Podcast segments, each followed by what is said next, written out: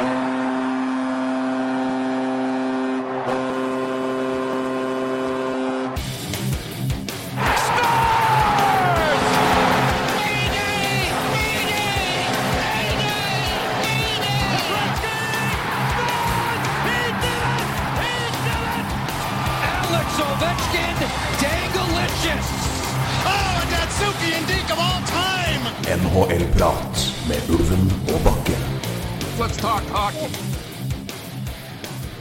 Mine damer og herrer, vi er i oktober, og det betyr jo eh, Ja, hvis jeg ikke sier hva det betyr engang. Hockeyen er fryktelig nærme. Eh, Preseason er eh, snart ferdig. Det er vel noen kamper igjen i dag, så vidt jeg vet. Men annars så er det bare noen dager til det er, ordentlig ordentlig opp.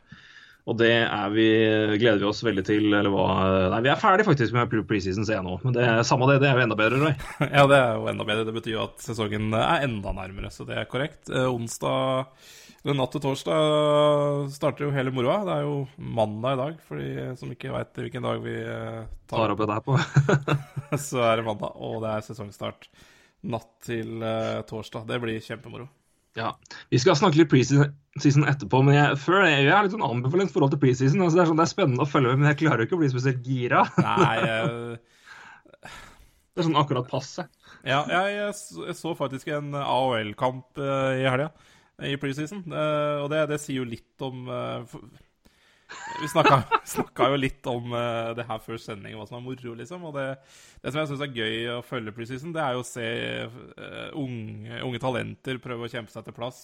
Som man har sett egentlig ganske mye av i denne preseason, og mange som har kjempa. Så, så det har vært kjempemoro. Og i tillegg til når man nå har spilt fancy et par-tre sesonger med sånn Dynasty League, og man har drafta litt talenter og sånn, så er det gøy å følge med de man har drafta for ett og to år siden, ikke sant? Mm, absolutt.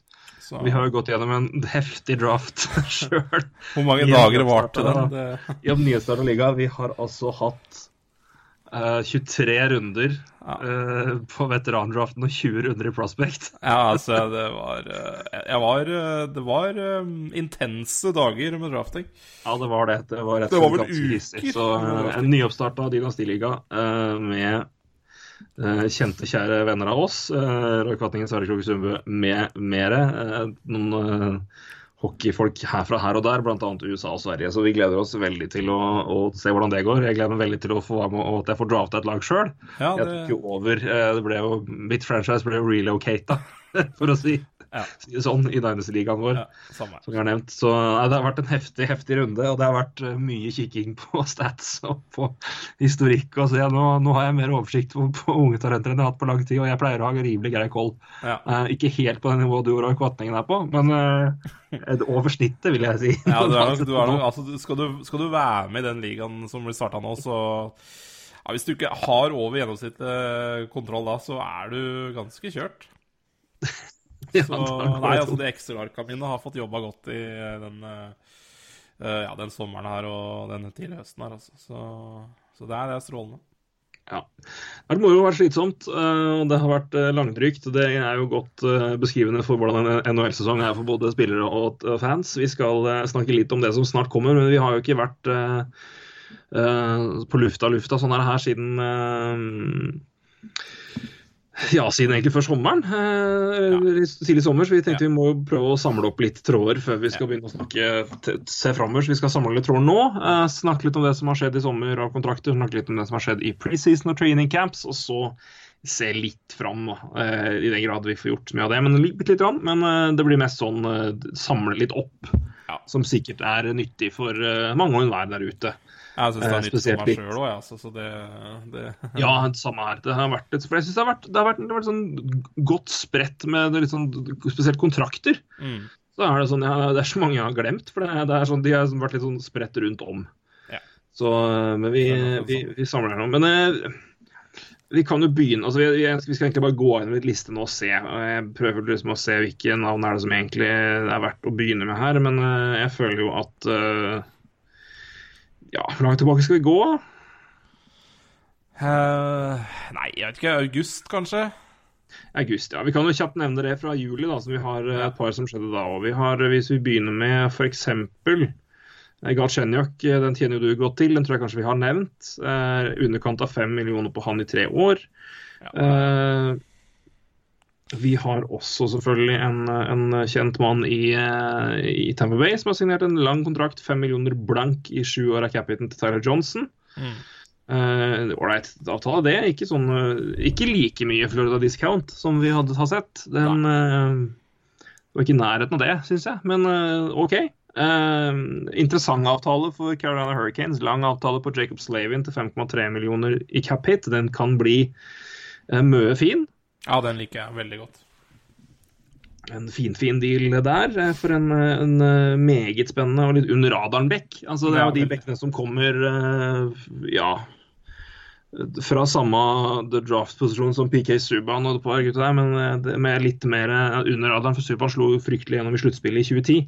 Ja. Eh, så han, han landa jo brått på det, på det kartet da. Um, men igjen, de som kommer litt senere i draften, og som uh, ikke så mange har hørt om, spesielt for et sånn low-key lag som Carolina. altså Slaven er jo en uh, fantastisk mann. Mm.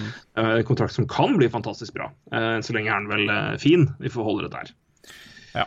André Palat ja, Lightning har jo måttet sin signe opp sine karer. Mm. og knytte opp det Palat til 5-3 i fem år.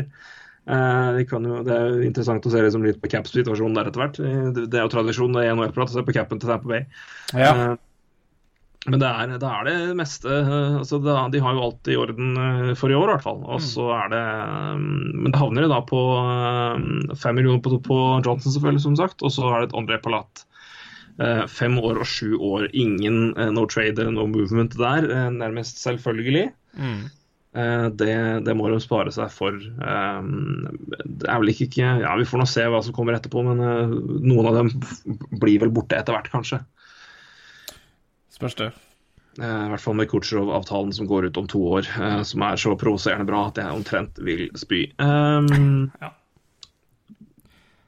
Hvis vi skal gå til, gå til august da, og ta, uh, hoppe litt elegant dit uh, Pashore er ikke så mye til å snakke om. Vi kan ta med en siste. Colton Paraiko, uh, fem år og fem, fem. Litt samme som Jacob Slavin, men Paraiko er vel litt mer kjent for allmennheten.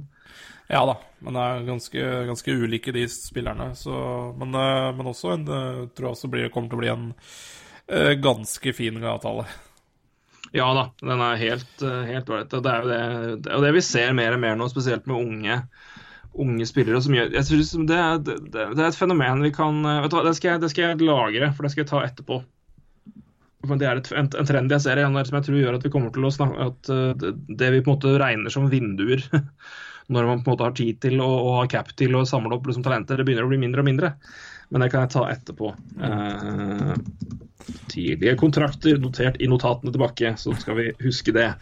Eh, Henrik, glemmer det uansett, men vi prøver i hvert fall. Men en avtale vi i hvert fall må prate om. Eh, det er 22. juli kom den, og det er Viktor Arvidsson som signerte 7 millioner, 7 millioner er like under 7 år. 4,25 eh, millioner dollar i cap hit på han. Den kan jo bli skummelt pen. Ja, den Den ser jo allerede pen ut, eh, men jeg Ja. syns jo, jeg synes jo uansett eh, begge parter skal være veldig fornøyd med det, da. Det, Ja, Arvidsson det er jo en kjempefin, ikke- kjempefin, lengde på kontrakten her for Arvidsson sin del. og Det, Ja er, det er forutsigbarheten. og det er jo I NHL så er jo det selvfølgelig garanterte kontrakter. Ja, han har sikra, livet sitt, eh, han nå. Så det er, jeg syns det er en fin avtale for begge parter. jeg, Altså. Ja, og så er det altså klart at det er jo én sesong, og, det, og, og du kan på en måte ikke fyre Klart du kan fyre eh, masse penger ut på det, basert på det, men Arvidsson har hatt en sånn jevn, jevn progresjon og kom jo som en kule i fjor. Ja. Uh, ventet, vil noen si. Uh, det, vi vet begge hvem vi snakker om da. Uh, det er Roy Kvatningen som har slått på Arvidsson-tromma i lang tid. Eh, men det er jo samtidig òg en sesong som ikke akkurat lukter veldig one hit wonder. Det er jo ikke en sånn type altså, For måten han spiller på og måten han har gjort det på Ja, han, hadde, han var på rekke sammen med Ryan Johansen og Philip Forsberg, men eh, det er jo noen spillere du, du ser kanskje mer bli kaller det dratt av rekkekamerater framfor Arvidsson, som kanskje tidvis dro dem. Mm. Ja, nei eh, Jeg også syns heller ikke det lukter noe one eh, hit wonder av han, og det, det viser jo også selvfølgelig avtalen. Eh, Nashville hadde vel aldri gått eh, løs på en sjuårsavtale med noen de hadde hatt mistanke på det på, så Nei. men igjen, hadde vi Hadde han signert seks år 5,2 millioner, så hadde vi jo ikke snakka her og sagt at det her var lite. Altså, han, han får jo en god del Altså, han får et ekstra år, kanskje, i forhold til eh, det man kunne tenkt seg før. Altså seks år eh, og fem millioner et eller annet. Men så får han heller fire millioner ish og et ekstra år, og det, det Ja. De tar heller sjanse på en lengre kontrakt enn en eh, Og med lavere cap, da. Og det er jo eh, Det er vel kanskje veien å gå uh, framover. Med, der man kanskje betaler de høyeste stjernene sine eh, premiumpenger, og så Man skal ikke si at Viktor Arvidsson er en annen rangspiller, for den definitivt han er veldig bra, men eh, men men de tar jo en sjanse, Nashville også her. eh, så jeg, jeg, altså, igjen, jeg syns det er en god avtale for begge parter. Jeg syns ikke uh, Selvfølgelig. Uh, vi har skrytt mye av uh, Poil, general manager i Nashville, i, i tidligere podkaster, og han skal for all del ha skryt igjen, men, men igjen, jeg syns begge parter skal være veldig fornøyd med den her. Ja da, jeg syns det òg. Men jeg tenker men altså på potensialet til eh, hvem det på en måte kan bli veldig fint for, så vil jeg si at Nashville ligger godt foran der. Selvfølgelig. Uh, men eh, uansett, det er en total avtale på en verdi på hva blir det? Rundt nesten 30 millioner Ja, 30 millioner dollar. Og det, ja. det er vel ikke Vi prater jo om skatt i Florida. Jeg tror ikke du, du, du tømmer ikke pungen din helt til Nashville heller, tror jeg. Til, eh, Nei, og Uncle Sam. Så jeg tror heller eh, Jeg tror nok det er Nashville som være mest fornøyd med det her. Altså, Hvis Ja. man hadde signert en kortere avtale, så kunne jo kanskje Arvidsson vært god for en veldig god avtale til uh, seinere. Men, uh, men det er jo akkurat den sjansen minsker jo når du signerer sju år. Ja. Så- Og så er det for Arvidsson han er jo 24, så han er jo 31 år når den her er ferdig. Så han er jo fortsatt da i en, en, al- en alder hvor han kan cashe inn enda mer, hvis han fortsatt er veldig god. Så sånn sett så er det jo ikke noe Han er jo ikke, han er jo ikke screwed på én kontrakt. Nei. Eh, langt ifra. Um, så det er jo eh, Det er jo meget, meget bra. Mm. For hans del òg, med tanke på lang sikt. Arvidsson der, ja. Skal vi se. Vi går opp på lista på min tidsliste her. Eh, Vi hopper til eh, en svenske vi nesten må nevne nå, for han er jo på et lag som mange følger med på i Norge, nemlig New York Rangers. Eh, Mika Sebaniad blir vel Zuccarellos nye senter, får vi tru. Mm. Uh, har signert fem år til litt i overkant av 5,3 millioner uh, i cap hit. Uh, og det er vel kanskje det han skal være? Jeg tenker det. Jeg tenker jo han også er en sånn perfekt andre senter, kanskje. Mm. Og det er vel kanskje der i landet man skal eh, ligge for han. Nå spiller han jo førstesenter, men det er, jo, det er jo i mangel på en klar, klar førstesenter. Ja. Eh, men, men igjen, jeg liker, liker den avtalen for uh, igjen begge parter. ja, vi har toucha innpå. altså, Normal andresenterlønn er jo nesten noen 64 millioner, i, og i det landet. Så det er jo, Mens de høyest oppe kanskje er liksom de tweener-gutta, da. Ja, det er jo billigere Eh. eh, den gamle førstesenteren din som var en andre senter. Mm. Holdt jeg på å si, eh, I Derek Stepan, så sånn sett så sparte de litt penger der. Ja. Eh, vi, nok en avtale for, eh, for Nashville som vi burde touche inn på, som var, eh, som var stor. Eh, større enn Arvidsson, og det var ganske mye òg. Det er åtte år, og det er Ryan Johansen og åtte millioner i cap hit i året. 64 millioner totalt. Eh, greit for den som kan gangetabellen og kan sin Nintendo-historie. Eh, det er jo 8-bit, 32-bit, 64-bit-historikken der. Gaming, hei. Uh, liker det. Uh, men den er, jo, den er jo veldig klar. Men det er jo også det vi prater på det med altså senterbetalinger, og det her uh, Jeg syns, syns den her er helt eh, fin, jeg. Ja. Du kan på en måte ikke, du kan ikke det, er, det, er ikke det er ikke en urimelig sum, i hvert fall, syns jeg. Nei, jeg eh, kan eh, Jeg er, jeg er jo delvis enig i det. Jeg syns den er litt mer eh, diskutabel enn de, de vi har pratet om hittil. Jeg, han er bra, er ikke det, men åtte åtte millioner Ja. Jeg kan i hvert fall diskutere, men, eh, men Mm. igjen så, så, så snakker vi om uh, akkurat det du sier også. Det er marked, eh, markedsverdi her også, så eh, Nå var han jo uansett ikke eh, klar for markedet, for han var jo en RFA, men eh, Ja, nei, eh, kan vel kan vel ikke kritisere Kritisere GM for den. Det, Nei, det er jo litt som der det Det må ligge spesielt etter. Men klart at det, det, det er jo et, gap mellom McDavid og, resten. Men jeg tenker jo av de andre avtalene som, som kommer der, men det er jo Eh, jeg tenker Nashville må jo på en måte gi et statement ved at de vil liksom beholde gutta sine. Og at nå har de det der, da skal vi betale dem for å holde på dem. Og så er det eh, Nå skal vi selvfølgelig ikke prøve å regne sammen sånn, men jeg tenker hvis du slår sammen Ryan Johansen og Victor Arvidsson og ser totalen du har de to gutta for, og kan du ta med Filip Forsberg også, så er det rundt seks millioner per mann på første rekka. Det er ikke dumt, altså Nei, nei, nei. i totalen der, så øh, jeg syns de kommer godt ut av sommeren. Jeg er enig i at altså, Du kunne kanskje fint pirka Johansen ned på at kanskje skulle hatt liksom sju og en halv. Ja. Eh, men eh, igjen, det er jo Da er vi jo da er, da er sånn detaljpeaking som jeg og du driver med fordi vi nøler på Cap Friendly rett som det er. Ja, jeg vet det. Eh, så Nei, men jeg tror det er som sier at det, det er liksom litt det landet ligger i førstesenter- førstesenterposisjonen er, er spesiell. og, og har fått en helt Den har jo på en måte hatt det alltid, men, men spesielt det siste nå, at den, den posisjonen er såpass viktig, da. Ja, ikke sant? Og nå signerte vi Ryan Johansen etter Leon Dreisaitl, eller? Dreisaitl kommer litt etterpå kommer eh, på lista mi her, så Ja, han, er signerer, han signerer eh, ja, nesten to-tre uker etterpå, tror jeg. Mm, ja. Nei, det er jo Så- Det er jo interessant, eh, det der. Eh, Man så jo Det var mange som liksom eh, eh, Ja, altså, praten i sommer gikk jo på på egentlig Ryan Johansen, David Pasternak, Leon Dreisaitl, på de gutta der. Altså at de kunne sammenlignes, da. Så ikke sant, når én Mm. avtale ble landa, så kom de andre kontraktene tett etterpå. Det skjedde jo ikke. og eh, det var jo ganske stor forskjell, for eksempel. Ja, det er jo stor forskjell på Lion Dreisaitl-kontrakten og Ryan Johansen og David Pasternak, for den saks skyld. Så Ja, det er jo ikke, var altså det er, To av dem er jo klart, klart mer sammenlignbare. Uh, Ja. Og det er jo gutta som er sentre, eh, si åpenbart. Mm. Det er jo der det ligger òg. Uh, forskjellen er at Dreisaitl får den betydelig tidligere. Eh, så, men igjen, det er noe jeg skal komme tilbake til. Før vi dukker til Dreisaitl, eh, så er det et par eh, Jeg kan ta en kjapp liten uh, oppsummering, så kan du velge den ene du har lyst til å si noe om Ja. hvis du vil. Uh, Conor Sherry, tre år, tre millioner i cap hit. Uh, Nino Niederreiter, fem år, 5,25. Eh, Jeg sier bare Capit nå, ikke total. Eh, Nathan Beaulieu, eh, to år på 2-4. Brett Pesci, nesten fire blank capit på han i seks år. Og Michael Granlund, tre år på 5,75. Det er noen avtaler der.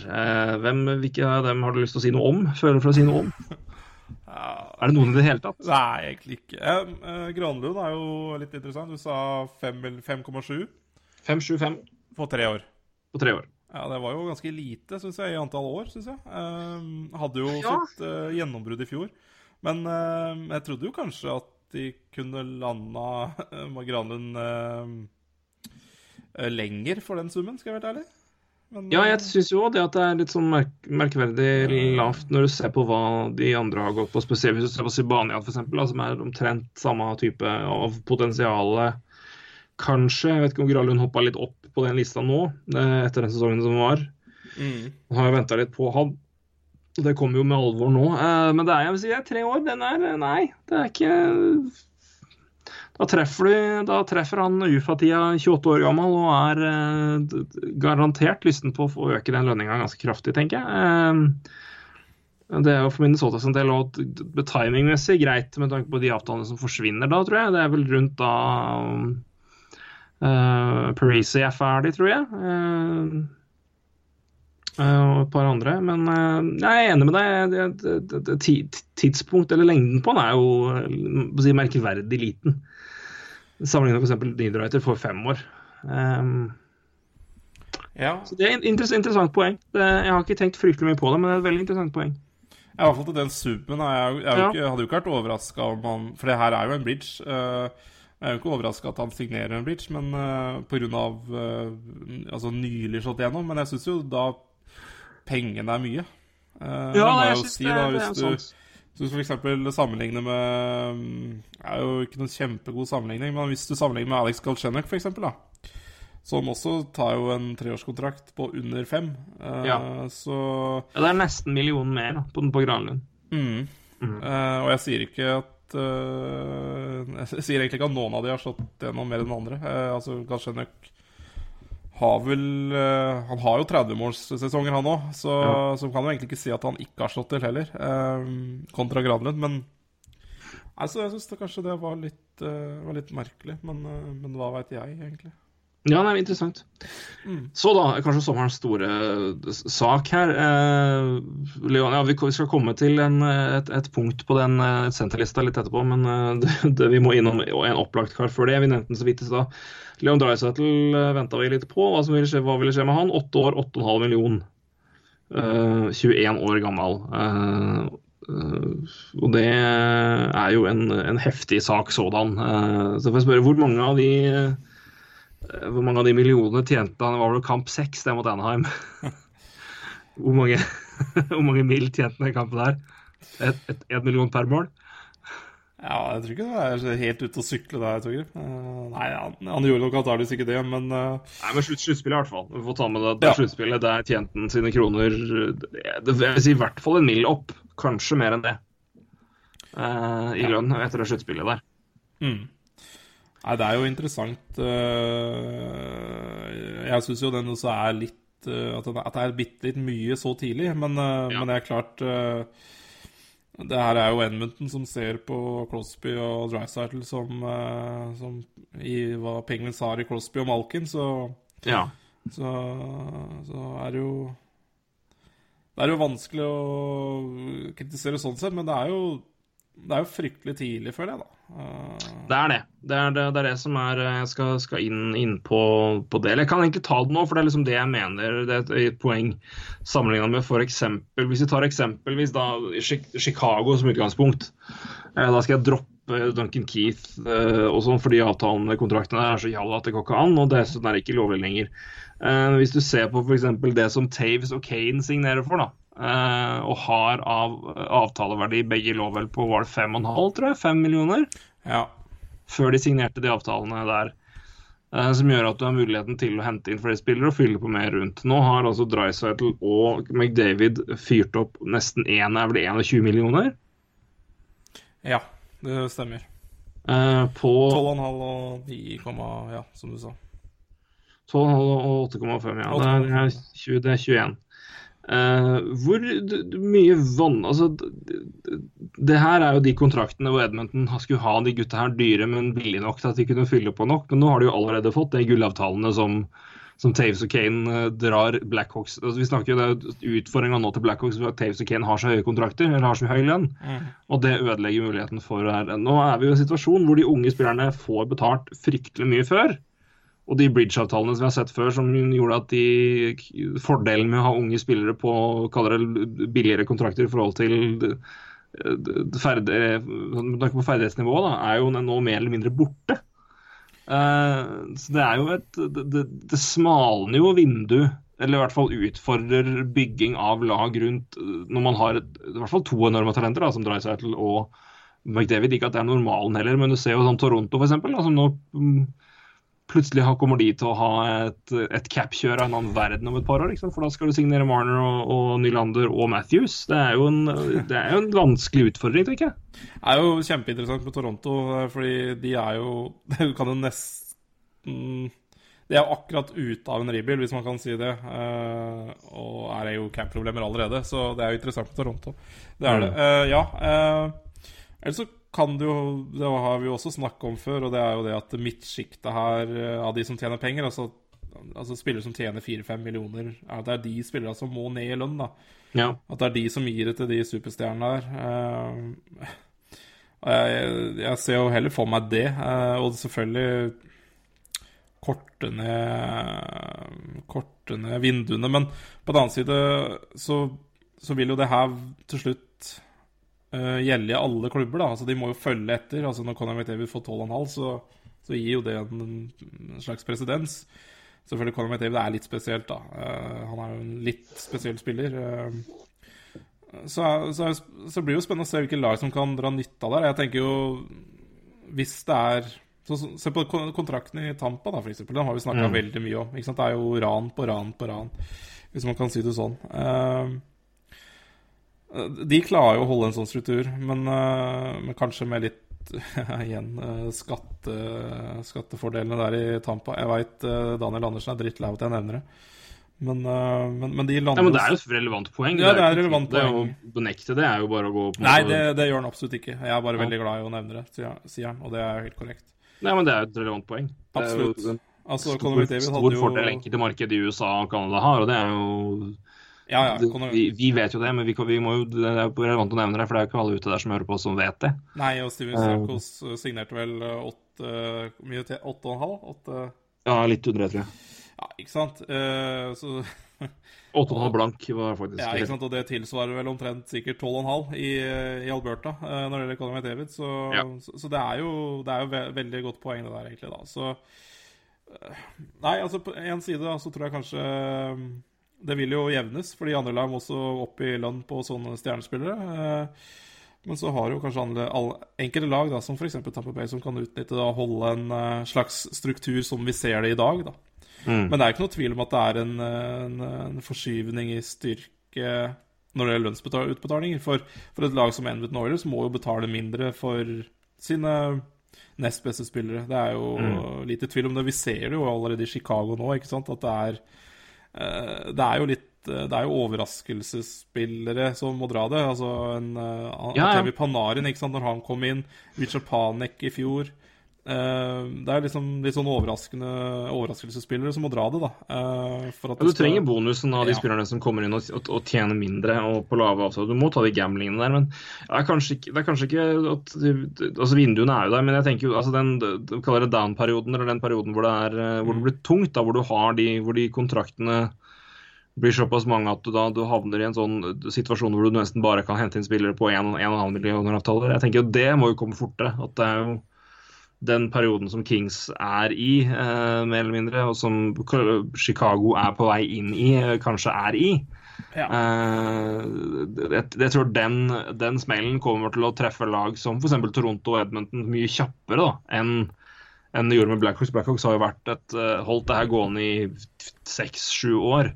Ja. Eh, Jeg kan ikke se for meg at eh, det skal være like langsiktig for eh, eksempelvis Edmonton og Toronto når de kontraktene de går på, går rett inn på samme nivå som Taves og Kane signerte sommeren etter de vant sin tredje Stanley Cup. Mm. Nei, altså, for, for all det, altså, jeg, jeg ser absolutt hva du sier, men jeg bare lurer på om vi på en måte også kan At vi er på vei inn i en litt annen æra, Ja, at det er en markedskorreks i forhold til at det blir et større gap mellom de beste og nest beste. Riktig. At, ja. men, men at f.eks. en sånn Ja, korreks i, eh, i systemet kanskje det ikke synes f.eks. i, i Tampa. Men eh, Det er, det er samtidig, jeg skal ikke, vi skal ikke snakke altfor mye om temaet, for vi kan jo prøve, jeg merker at vi kan diskutere det masse, men NHL PA kommer jo ikke være fryktelig glad i den ut, utviklinga i så fall. Det, er, Nei, nei, nei, en, en, det er jo et så det er jo en utfordring der òg, i det hele. At, at uh, spillerforeninger kan jo ikke spesielt, se seg spesielt happy på at det er som et sånt klart skille mellom at det er kaller tre spillere til ni millioner, og nestemann på laget har fire. Det er jo Nei. Eh, Kjempegodt poeng. Kjempegodt poeng. Og, og så skulle jeg skulle egentlig dra det bitte litt til i stad, og jeg tror vi også får se Uh, Der skal jo en ny CBA på plass om uh, tre eller fire år, så, og der også vil jo være høyst interessant hva som skjer. mm. Uh, for, for kontraktstrukturer og Altså, lengde på kontrakter også tror jeg vil være issue der. Jeg tror åtteårskontrakter omtrent eh, forsvinner i en ny, en ny CBA, f.eks. Så jeg tror vi vil se en helt annen struktur på kontraktene om, tre, altså om fem år. da. Eh, så, så det er liksom eh, Å diskutere det nå er jo interessant, eh, men jeg tror, jeg tror vi får se det her om noen år. eh, resultatet av det til slutt. For jeg tror Mm. det er en korreks, egentlig. Eh, ja. Og Ja. der egentlig den nye CBA-en kommer til å ha mye å si, da. Ja, nei, NHL er på en måte en spesiell situasjon nå pga. én antall spillere som faktisk brukes og er på isen, og to hvor lang, lang, lang, karriere de har. Ja. Eh, Sammenligna med eksempelvis amerikansk fotball, da. Mm. hvor det er en, eh, en mye større stall med en mye større rotasjon av spillere. eh, og en, en mye større fordeling av, av penger hva gjelder eh, lønn til det beste, og ikke minst lønn til posisjoner. Det er jo nesten som posisjonsbestemt lønninger der. Ja. uh, hvor, hvor du tjener mye penger, og, og hvem som tjener de. Uh, men samtidig der er det heller ikke, et, der er det ikke garantert uh, Du kan selvfølgelig legge inn en garantert andel av kontrakten, men der kan jo, der kan jo klubben si opp kontrakten på, på dagen uten at det, det er noe feil i det. Uh, NBA har jo ikke det, men NBA har samtidig én mye mindre stall, to mye, mye mer penger. Så de kan jo omtrent betale benkespillere, samme som de ja, gjennomsnittlig førstesenter for i NHL, uten at det er noe problem for dem, for de har så mye penger pga. den nye TV-avtalen der. Ja. Så um, Nei, så NHL er en sånn spesiell situasjon, for det er, det er den lengden på, lengden på um, på karrierer, og at man liksom skal på en måte ha tjent seg opp til å kunne få de avtalene man føler man fortjener når man da blir en 29-30-31, i en alder hvor man mer og mer ser til unge spillere, og nesten ja, i overkant avskriver spillere når de når 30-åra. Så Mm. det er, en, sier, det er en dynamikk som skifter ganske markant, eh, merker jeg. Ja, det er helt klart. Det, det men det er, det er veldig interessant å se framover, altså. Det er det. Absolutt. Og det blir, jo, det blir jo ikke mindre aktuelt eh, fram mot en ny CBA, så Nei. Absolutt ikke. Eh, skal vi se, jeg, kan ikke de har, jeg prøver å være selektiv på avtaler. Dragsettel måtte vi selvfølgelig innom. Eh, en, jo, han her må vi nesten nevne kjapt, for jeg syns det var en interessant avtale. For Conor Brown, eh, i, i det stille, hvis det er mulig å si, bak det er klart Når du har tre rookies som blåser låvedøra av, så er det vanskelig lett å på en måte bli glemt i det hele. Men Conor Brown hadde 20 mål i fjor, alle i, i eh, fem mot fem. Og uh, for Toronto Maple Leafs å signere treåravtale på 2,1 millioner per år. Det er ikke dum, den heller, altså. Nei, absolutt ikke. Jeg syns den er eh, helt grei. Ja. Uh, så Så har jeg ikke noen veldig sterke meninger på den, så du må bare fylle ut der, altså. Nei, men jeg, jeg synes det er interessant hva, hva de, hvordan den dynamikken Men igjen, altså bare hva som skjer i Toronto med tanke på lønn og alt mulig, og hvordan det går opp, og hvem de beholder og hvem som sendes ned, alt mulig. Det der er det, det, det, det er et Igjen, det er interessant å følge uansett. Eh, apropos, vi snakka om Granlund, vi snakka om Sibania vi, snakket, vi skal innom en annen eh, skandinav, skandinav blir feil, men fra nordisk spiller. Også senter, men han havna under fem millioner. Men det var jo kanskje en god avtale for Blue Jackets, det. Seks år på 4,9 capit på Alexander Wennberg. Den kan bli finfin for eh, Columbus hvis han fortsetter den utviklinga han har hatt. Ja, absolutt. Eh, den også likte jeg veldig godt. Mm. Ja. Vennberg er jo en favoritt av deg, så det Ja da, jeg er kjekk mann. eh, han? eh, Ja, han er god og kjekk og god fantasy-mann, så han liker vi. Eh, han, han, var, han er en av de gledene med å overta det laget. Han, han var der. nei, men han er, han er veldig god, og han, det, det lille jeg så av Jeg fikk, jeg fikk ikke sett så mye Columbus som jeg skulle ønske i fjor. Mm. Men det, det, overblikket og passingene til Wennerberg det imponerte meg stort. Eh, og det tror jeg jo bare kommer til å bli bedre og bedre etter hvert som rutinen og eh, roen kjem, Mm. som det så fint eh, heter på vårt, i vårt distrikt. eh, hva gjelder dialekt. Ja. Eh, vi trenger ikke snakke så fryktelig mer om han. Uh, Sam Bennett signerte to år under to millioner. Det er jo greit for han. Det er en skuffende sesong. Uh, Bo Horvath er jo du eh, Horvath, ikke noe H der, er jo du glad i. Eh, fem og en halv på han, seks år. Ja, jeg syns jo også det er en grei avtale. Det her er jo spilleren eh, Vancouver tenker er uh, førstesenteren deres, da. For, eh, for en god fremtid Eller for en lang fremtid. Forhåpentligvis for, for dem sin del. Så fem og en halv der er vel eh, helt fair. Ja, jeg syns det er eh, ålreit. Jeg synes Det er ålreit, men jeg synes det, er, det er ikke noe feil med det. Jeg syns bare den, den andre kontraktene bare belyser mer hvor jeg syns ålreit den avtalen til Vennberg er. For det Ja. Men så syns jeg ikke Vennberg er den klare førstesenteren, da, hvis du skjønner. Eh, eh, han er jo dritbra, men eh, er jo ikke Nei, er jo ikke det- typisk han er ikke- han er eh, ikke den- Det er ikke han som skal Jeg føler ikke det er han som skal dra Columbus uh, framover, da. Uh, på, på samme måte som, uh, som det Bo Horvath er uh, nødt til. Hvis du skjønner hva Nei, og det er jo ja, det er forskjellen på det hva man er nødt til og hva man eventuelt må. Eh, Jeg Ja. synes ikke det er eh, Men ja, det, det gjenstår jo å se, men det er jo ikke, det er ikke store skiller. Men uh. Horvath til fem og en halv i seks år, det kan uh, det kan takkes bra. Kan være glad, godt fornøyd med den om et par år. Kan være godt fornøyd med den nå, for, for alt vi vet. Kan hende han har et kjempebra år. Jeg tviler litt med sånn laget rundt han ser ut, men det får vi nå se. Eh, ja, Vi skal ikke, kan ikke ramse opp altfor mye, men jeg skal ta én til. Uh, Brian Little får uh, være. Få til seks år, litt under 5-3. En, en grei andresenterkontrakt. Men David Pasternak til, en ja, jeg kaller det en djevelsk god avtale. Ja. ja, absolutt. Seks år, 6,66666. Ja, det er en, eh, en jævel liker den kontrakten veldig godt, så det, Ja da, det var, ble ikke han drafta som nummer 66? Ja, det kan godt hende. Ehm, ja, nei, eh, også, ja, det er kjempekontrakt. Det også Nei, det var lista vår, det. Stemmer det. det var vi hadde topp top 100, liksom, Ja, var det, han var nummer 66. Var det, ja? ja det, det var, Han var det Stemmer. Så det var topp timing, Ja. får vi si. Uh, nei, men en jævla avtale. Det, vi kommer til å kjøre det jordspillet der til vi dør. Uh, men det er jo en lang prosess og en lang deal, som vi så med et par spillere i fjor. Ja. Jeg vil jo si at igjen så kommer jo laget best ut av det. Ikke at det er noe fæl avtale for, for Pasternak sin del, i det hele tatt. Langt ifra. Uh, men eh, det kunne fort blitt verre for Bruins. Ja da, absolutt. Eh, Man frykta jo det, i hvert fall når man så Ja, når Drycytle-kontrakten kom før der, så var det jo mange som, som så mot de tallene. Så sånn Ja. sett så skal man jo være kjempefornøyd. Det er jo litt. Er ikke det litt tull å gjøre det? Altså, jeg skjønner jo én litt, men du må jo på en måte ta posisjonsrabatten inn i det hele. Ja, så må du vel egentlig det, når Drycytle spiller vingen til Conor McDavid. Jeg veit ikke. Ja, men Han kommer jo ikke til å spille ving, han kommer til å spille senter. Det er jeg ganske sikker på. Ja, vi får se. Eh, Jeg eh, Det siste er vel at han er vingen til Conor McDavid. Men, eh, men altså, det her kan jo forandres inn mot uh, Altså hver dag, så, så vi får se. Ja da.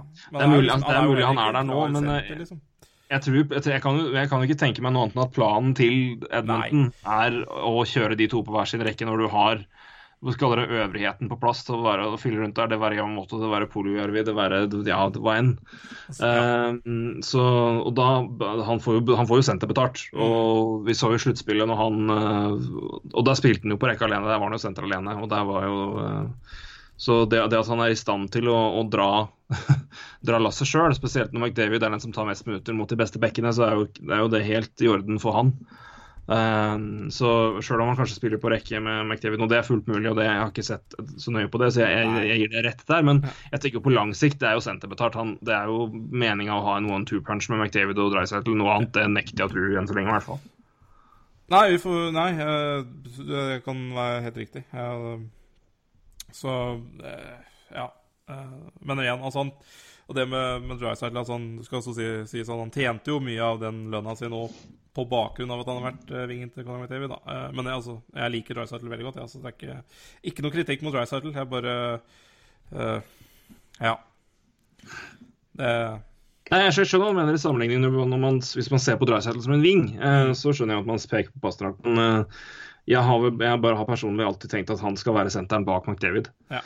Eh, for det er noe du trenger når du har to sentermuligheter. Eh, og du har en så god senter som omtrent altså, du kan, McDavid er litt som Crosby, og du kan nesten putte hvem som helst der. mm, Eh, da, synes jeg det blir, da, da virker det rart for meg å putte Drysettle der som kan settes med kanskje de beste vingene på rekke to. da. Ja. Uh, og så kan McDavid få de nest beste, som fortsatt er produktive og gode, på, på rekke én, og fyre og faen hva han vil på rekke én, og så kan de andre gutta kjøre på rekke to. Ja. Eh, men igjen, jeg er ikke coach, jeg har ikke peiling. Bare, det er, for meg er det, når du igjen ser hva, det, hva senterdybde, spesielt Penguins, altså de foregående årene har å si, så, eh, og med den kontrakten der, så eh, så eh, jeg tror i hvert fall det er langsiktig plan eh, for, for Edmundsen selv. Men, men, men hvis du bare tar Pasternak igjen, det er 21 år, det er tidlig. Det er, det er jo på alle her vi prater om, egentlig. Det er veldig tidlig. Eh, Men eh, det er jo en, eh, en meget ålreit avtale som han har gjort seg fortjent til. Mm, så absolutt. Så Ja, nei, det, er- og det blir jo en, det blir jo en svært eh, det, Den ser vel ut til å bli en veldig bra avtale for Bruins end på sikt, hvis han fortsetter sånn som han håpa i fjor. Så. Ja, han har vel Ja, det er jo det ene, ja, det hadde jo det ene fantastiske året, ja. Men det er jo Så jeg, jeg hadde av en eller annen merkelig grunn tenkt at jeg han hadde hatt et veldig godt rookie-år. Sånn var det. Ja. Um, Med 27 poeng på 46, og så var det vel litt uh, Ja, ikke så mye mindre enn 26 på 51. Det tok det jo helt av i fjor, da. Så det er jo mye betalt, altså. eh, På, på ikke all hverdags uh, dybde, men det igjen, du vet jo hva han er god for. Du ja, ser jo, det, det er akkurat det. Jeg tror også du, du ser toppnivået til en Pasternak ja. ganske greit. Så mm. Nei, det er en, en interessant, interessant avtale. Så det er liksom det. Er det noen, har du noen favoritter av de som er signert i sommer? Sånn, måte, den, her, den her er liksom den jeg liker best, av ymse grunner. Enten at en, en klubb legger en finfin satsing på en spiller og viser at han her skal vi beholde, eller en cap hit som er fin for en klubb, eller en spiller som får den han fortjener, eller er det noen eh, Ja, nei, det var uh, På sparket Ja, vi, vi, det er jo sånn vi jobber her i NHL. Ja, det er jo for så vidt det. uh, nei, vi, vi, Vi snakka vel for så vidt egentlig akkurat om Pasternak. Jeg, jeg syns jo den For jeg ja, Om Jeg ser jo det rasjonelle i at, uh, man, at han havner der, men, men, jeg, men jeg kunne liksom frykta at han havna høyere med tanke på jeg, jeg, ser absolutt den, altså den posisjons, uh, posisjonsargumentet mot Drycytle. Ja. Og Ryan Johansen, for så vidt. Men, GM her, skal glemme det ellers. At, at folk var redde for det, det skjønner jeg jo. Eh, ja, nettopp. Så, men jeg hadde jo litt Jeg tror ikke jeg hadde stussa veldig mye hvis han hadde havna over sju. Uh, og Ja. Så jeg eh, Jeg liker veldig godt uh, David Pasternak sin kontrakt. Jeg gjør det. Ja da, jeg tror vel vi, vi har vel eh, for, Siden vi prater om Senterpartiet, så er det kanskje det også en, det, en rettelse eh, eller tankegang som har kommet med det senere. Det er mange vinger som tjener mer enn det Pasternak de gjør, og betydelig mer òg. så det er ikke noen selvfølge at det skulle bli så mye billigere. Men, uh, men jeg tenker når det liksom til handen der, så måtte det bli mindre enn det, i hvert fall. Ja. uh, ja, nei, jeg syns den, den er fin, altså. Jeg liker den. Jeg syns, syns Wenberg sin er veldig ålreit. Ja. Jeg, men jeg, jeg kan ikke Altså, i forhold til eh, du kaller det bonuspotensialet, og hva som kan virkelig bli en kjempeavtale, så må jeg peke til Viktor Arvidsson igjen. Altså, den, er, den, den kan bli helt prima. Mm. Den er veldig bra, syns jeg nå. Eh, Jeg syns det er godt betalt for begge, for begge parter. Både i, i cap hit for Nashville sin del og i lengde for Arvidsson. Mm. Eh, Hvis han fortsetter sånn som han har gjort, så er 4,25 et, et ran. Ja, Eh, jeg er helt enig. Og, og, når, og når begge parter skal være så fornøyde som de er, så er det jo antageligvis en veldig god avtale. Så, Ja, det er akkurat det. Det er kan, kjempefint, begge to. eh, Jeg, altså Viktor Arvidsson eh, er jeg jo, kan jeg absolutt eh, si meg helt enig. Absolutt. Men jeg synes det er et godt poeng at, at begge skal være fornøyde. For for Arvidsson sin del så er jo det altså at han har jo hatt en lang vei inn i NHL. Ja. Uh, og hans, hans mål må jo åpenbart ha vært å bare etablere seg og få en plass og få en posisjon. Ja. Uh, og nå gjør han jo det. Det her er jo en langsiktig avtale som sikrer han, og som er, viser at vi skal satse på deg. Og du er jo en del av planen vår. Du er førsterekkespiller. Første, første Ja. Så det i seg sjøl er jo en seier for han. Og så vi kan jo prate om cap hit og verdi, men han farget. Vi prata om nesten 30 millioner dollar på sju år. Det, du gråter ikke. Nei, det gjør ikke det. Altså. Um, jeg, jeg, jeg hadde takka ja. Jeg hadde takka Veldig. Jo, for meg. Nei, men det var, det var en, en skokk med deal. Vi måtte bare kjøre kjapt gjennom for å minne både oss sjøl og kanskje dere på det. Det ble kanskje litt mye tall til å være på radio, har jeg lært det på Volda, men pyttsann! Mm. Da, dere hadde vel hørt noe av det før. Ja, jeg er med det. Så kan dere jo gjerne sende inn en tweet uh, på det, hvilken dato dere likte best, da. Uh, eller minst. Det er lov, det òg. Lov å være negative. Um, og uh, da tenker vi kanskje av de større avtalene. Nei, i det hele tatt, hvilken avtale i sommer sånn allment syns dere var best, eller, eller mest crap? Mm. Kjør på. Vi er for det meste interessert. Um, så gjerne meld inn det, altså. Det hadde vært gøy. Um, da kjører vi til det som har vært nå. Training camp preseason og litt så forskjellig. Hva d- d- inntrykk du har fått sånn generelt sett? Er det noe lag merka deg? Noen storylines? Hva er det som på en måte har utmerka seg? Det har jo vært noe mye snakk rundt gutta dine, blant annet. Ja, de er jo De har jo eh, ikke imponert spesielt eh, mye. Men eh, Men jeg, jeg er ikke noe be- bekymra for det. Uh, nei, det er jo uh, Leafs har jo spilt veldig bra. Ja. Um, Edmonton har vel også levert uh, ganske bra. Så det er jo to interessante lag sånn sett. Um, tenker jo også Der er det mye sultne spillere i begge de, tro, de to troppene der, så det er kanskje naturlig at de gjør det bra.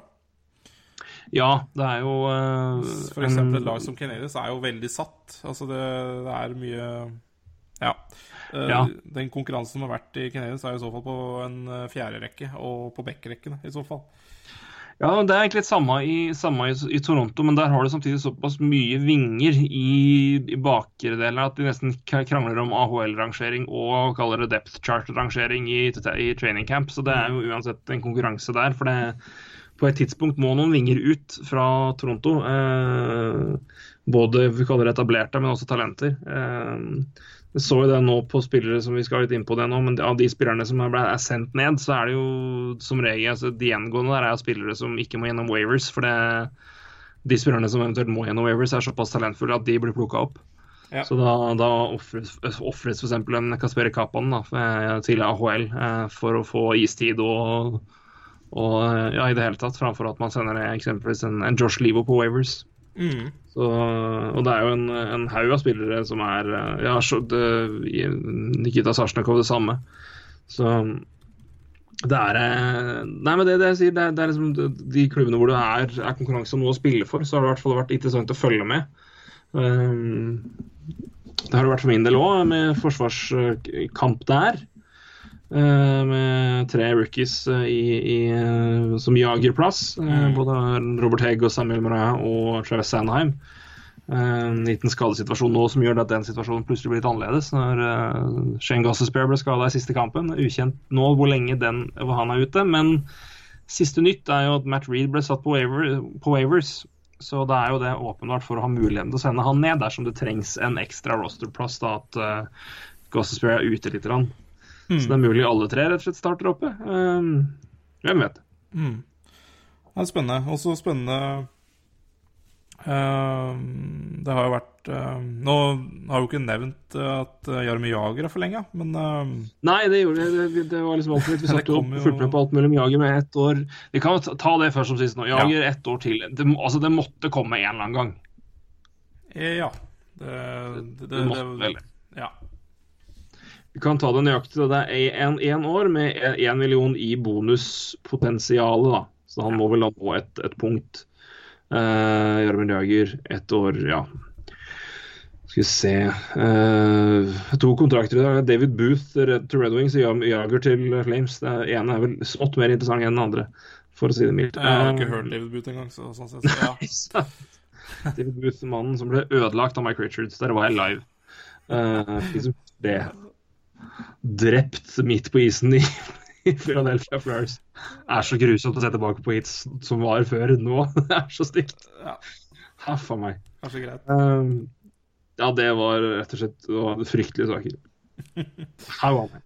Men eh, nei, men Jager det, vi, vi, vi var jo, har jo begge vært uh, i, uh, i riksmediene for tiden. d- sammen i en VG-sak om Jager. Ja. Og du var på VGTV i helga. Ja. Det er fryktelig til medieeksponering for NHL-prat om dagen. Det, Ja, det er moro, da. Fint, å ha- glade, hyggelige gutter i VG som hører på oss, kjenner oss og alt mulig. Det er moro. Alt til VG for det, altså. For eh, VG har virkelig I løpet av to sesonger nå syns jeg de har levert mye bra NHL-stoff. Så veldig Ja. bra, det. altså Øystein Jarlsbo og Vegard Aulstad. Det fortjener all mulig hyllest for det. Ja da, jeg har jo blitt brukt begge to i, i sammenhenger. Da blir det enda mer gøy. Ja. Så, øh, nei, men, øh, men Jager, vi nevnte jo litt om det her. Vi prata jo på hvordan kan man liksom bruke Jager nå, og hva er greia. Jeg, jeg har jo hatt en teori øh, med han at han bør jo følge Sam Gagne-modellen fra Columbus i fjor. For de som ikke husker eller vet det, så skal jeg friske på minnet deres nå. Eh, Sam Gagne spilte fjerde rekke i Columbus og spilte første Powerplay. Og bøtta inn Powerplay-poeng. Ja, det er helt korrekt. Det er jo der eh, Det er jo der de må bruke en Jarmir Jager, men eh, eh, Ja, nei det jeg, jeg kjenner jeg ble litt overraska over at noen egentlig signerte den akkurat nå. Det kjenner jeg vel eh, Ja, timing er litt, timing er litt, litt rar. Um, jeg synes det Hvis det var et eller annet som skulle, skulle ta det nå, så var det liksom blues. Ja, altså, men, men så Altså, på én side så syns jeg timing er rar, men jeg, men jeg skjønner jo at han kommer nå fordi nå nå går det jo med på en million, ikke sant? Og, Ja. um, Det er jo det som som er greia. Ja, det er jo det som er greia her, for han har nok ligget ganske høyt opp i sin, sine ønsker. Det er jo en spiller her som har uh, Ja, han kom jo fra fire enveis Nei, en ettårskontrakter som alle er over uh, fire millioner, så Ja. Så han, han har nok hatt ganske stive krav. Uh, så jeg skjønner på en måte at timingen kommer nå, men, uh, Ja, det er, det, det er der forklaringa ligger, åpenbart, tenker jeg. Når du sier det. Nettopp. Og Mm. så, Men så syns jeg også han Eh, altså, hva går han inn i Flames, da? Går han inn i tredje rekke, kanskje, med Ja, hva er det de har på høyresida? Det er Furlan, Forleak, Braver. Ja, så de har jo åpenbart egentlig en eh, plass i høyre, sånn som jeg tenker. Så jeg skjønner jo at eh, Flames kan være en interessant uh, Interessant valg der. Jeg gjør jo Ja, for så vidt det. Jeg uh, er jo for så vidt egentlig litt overraska. Jeg eh, Du jo Du har jo drafta en spiller i en av ligaene som heter Spencer Fu. ja, jeg skulle akkurat å sjekke han nå. Han ble, litt eh, han ble jo sendt ned til eh, til AHL eh, på ti, torsdag. Uh, signert fra Union College, hadde en kjempesesong der. Uh, på en, ja nesten 55, jeg tror 52 poeng på 30 et eller annet kamper. mm. 62 til og med. 38 kamper i Union College, 62 poeng. Uh, han, man, han vant vel ikke Hobby Baker, men det var ikke mye med å gjøre. Uh, slett en kjempe, kjempesesong. Signerte for uh, Flames, ettertrakta av eh, mang en klubb. Eh, så jeg hadde jo et lite håp og kanskje en gamble på at han skulle smette inn på en rekke sammen med, på høyresida sammen med Gudrå og uh, Mona. Monahan for å um, For å si være fruktene der. Eh, Ja. Og rett og slett være på litt, litt av de samme skills-nivåene som eh, og Monahan. For Ja, Aker altså- med all respekt, er jo ikke det. Um, Nei, det er mulig at de liksom prøver å bruke han langs Prøve å se litt hva f.eks. en Zack Hyman har gjort da, for Toronto på de andre. Altså være den som går langs vant og vinner de duellene og får i pucken løs. Så får de andre gutta liksom gjøre sitt. Og Det er jo en, en mulig bra match, det, men da, da skal du på en måte vite at du har en spiller som er god nok til det. Uh, men jeg syns jo det er rart. Men altså, Da har han jo åpenbart ikke prestert på camp, da. Men uh, men jeg hadde jo en, en, en liten tanke om å holde håp om at det kunne være mulig å få til det for, for Flames sin del. For jeg tror det var interessant å se han med de. eh, ja, og med det, i hvert fall det, det, det, det ferdighetsnivået Eller ferdighets, er ferdighet, de, de ferdighetene han innehar, Mm. tenker jeg. Nei, og da Eh. hadde jo høyresida til eh, Flames eh, gått opp eh, litt bedre, sånn som jeg tenker det. Men, men det gir jo all mulig uh, Make sense. Altså Gir mening. Ja, eh, Ja, eh, at Jager eh, kommer inn i det powerplay på den høyresida her. For ja da det er si det er frykt... opplagt første Powerplay-mann inn i den biten her. Og det er klart at det er ikke, og ikke at Powerplay er på en måte posisjonsbestemt alltid. Det er jo spillere som på en måte finner sine posisjoner altså når de på en måte er stillestående i Powerplay i andre plasser på isen enn de spiller vanligvis. Mm. Men jeg tenker jo det å ha han inn der, eh, av andre høyere alternativer eh, Den nærmeste mannen er vel eventuelt Mikael Frolik, men han er jo kanskje ikke noen Powerplay-spiller av dimensjoner heller. Nei. Andre ferdigheter han bærer med seg mer. Så jeg syns jo der er matchen strålende. Så kan vi jo heller eh, si at Michael Furlan, som jeg vel tipper havner på første rekka for Jeg kan ikke tenke meg Troy Brower for den muligheten igjen. Nei. Eh, da vil jeg heller ha Furlan. Ja, det, ja, eh, og de liker Furlan der, så det, det er jo en grunn Ja. også for at de Ja. De fortsetter å ha den der, hvis ikke så tror jeg de Ja. hadde prøvd å søke forsterkninger på en annen måte. Eller f.eks. bare henta Bare hatt Spencer Fu der, for uh, ja, for eksempel. Så jeg tror de liker uh, Furlan der veldig godt, det. Ja, men det, det, det er eh, Jeg tror ikke det er på en måte der det brister for Flames. Nei eh, noe sted, og det, det er jo ikke Det har jo gått bra før. Før den hadde en ålreit sesong for to år siden, og ikke så god i fjor, men han er, han er i hvert fall han er kapabel. Ja. Eh, det kunne vært bedre, det er det vi snakker om, men det er ikke, det er ikke fryktelig heller. Men eh, jeg tenker jo da Jager må da åpenbart passe inn på en tredje rekke, fjerde rekke. Eh, Kanskje du får se hvor mye nå vet jeg, altså Minuttfordeling på de rekkene der er jo så som så, men jeg tenker jo det er vel så mye bare å verne minutter for den. Altså ikke sliten ut, for det er jo det som har vært litt den største knocken på Jager utover liksom fart og sånn, men det, det vet vi jo. Men at han holder veldig bra til et visst punkt i sesongen. Og så begynner kroppen å bryte seg ned, fordi han er 45 år. Ja det, du kjenner altså 82 kamper i et Eller at du, at du setter deg i en posisjon hvor du, hvor du på en måte ikke river opp hele kjemien i laget fem mot fem ved å sette den ut av laget og hvile en kamp. Ja. Uh, litt usikker på om det sitatet kom i VG, men jeg skrev sa i hvert fall at uh, Skrev uh, at jeg trodde kanskje Jager ville være perfekt å komme inn på slutten av en sesong for et lag. Fordi da har han jo uh, sånn sett Da er han jo ja, Å spilt i Europa her er jo barnemat i forhold til hva han må gjøre i NHL mm. på 200 dager.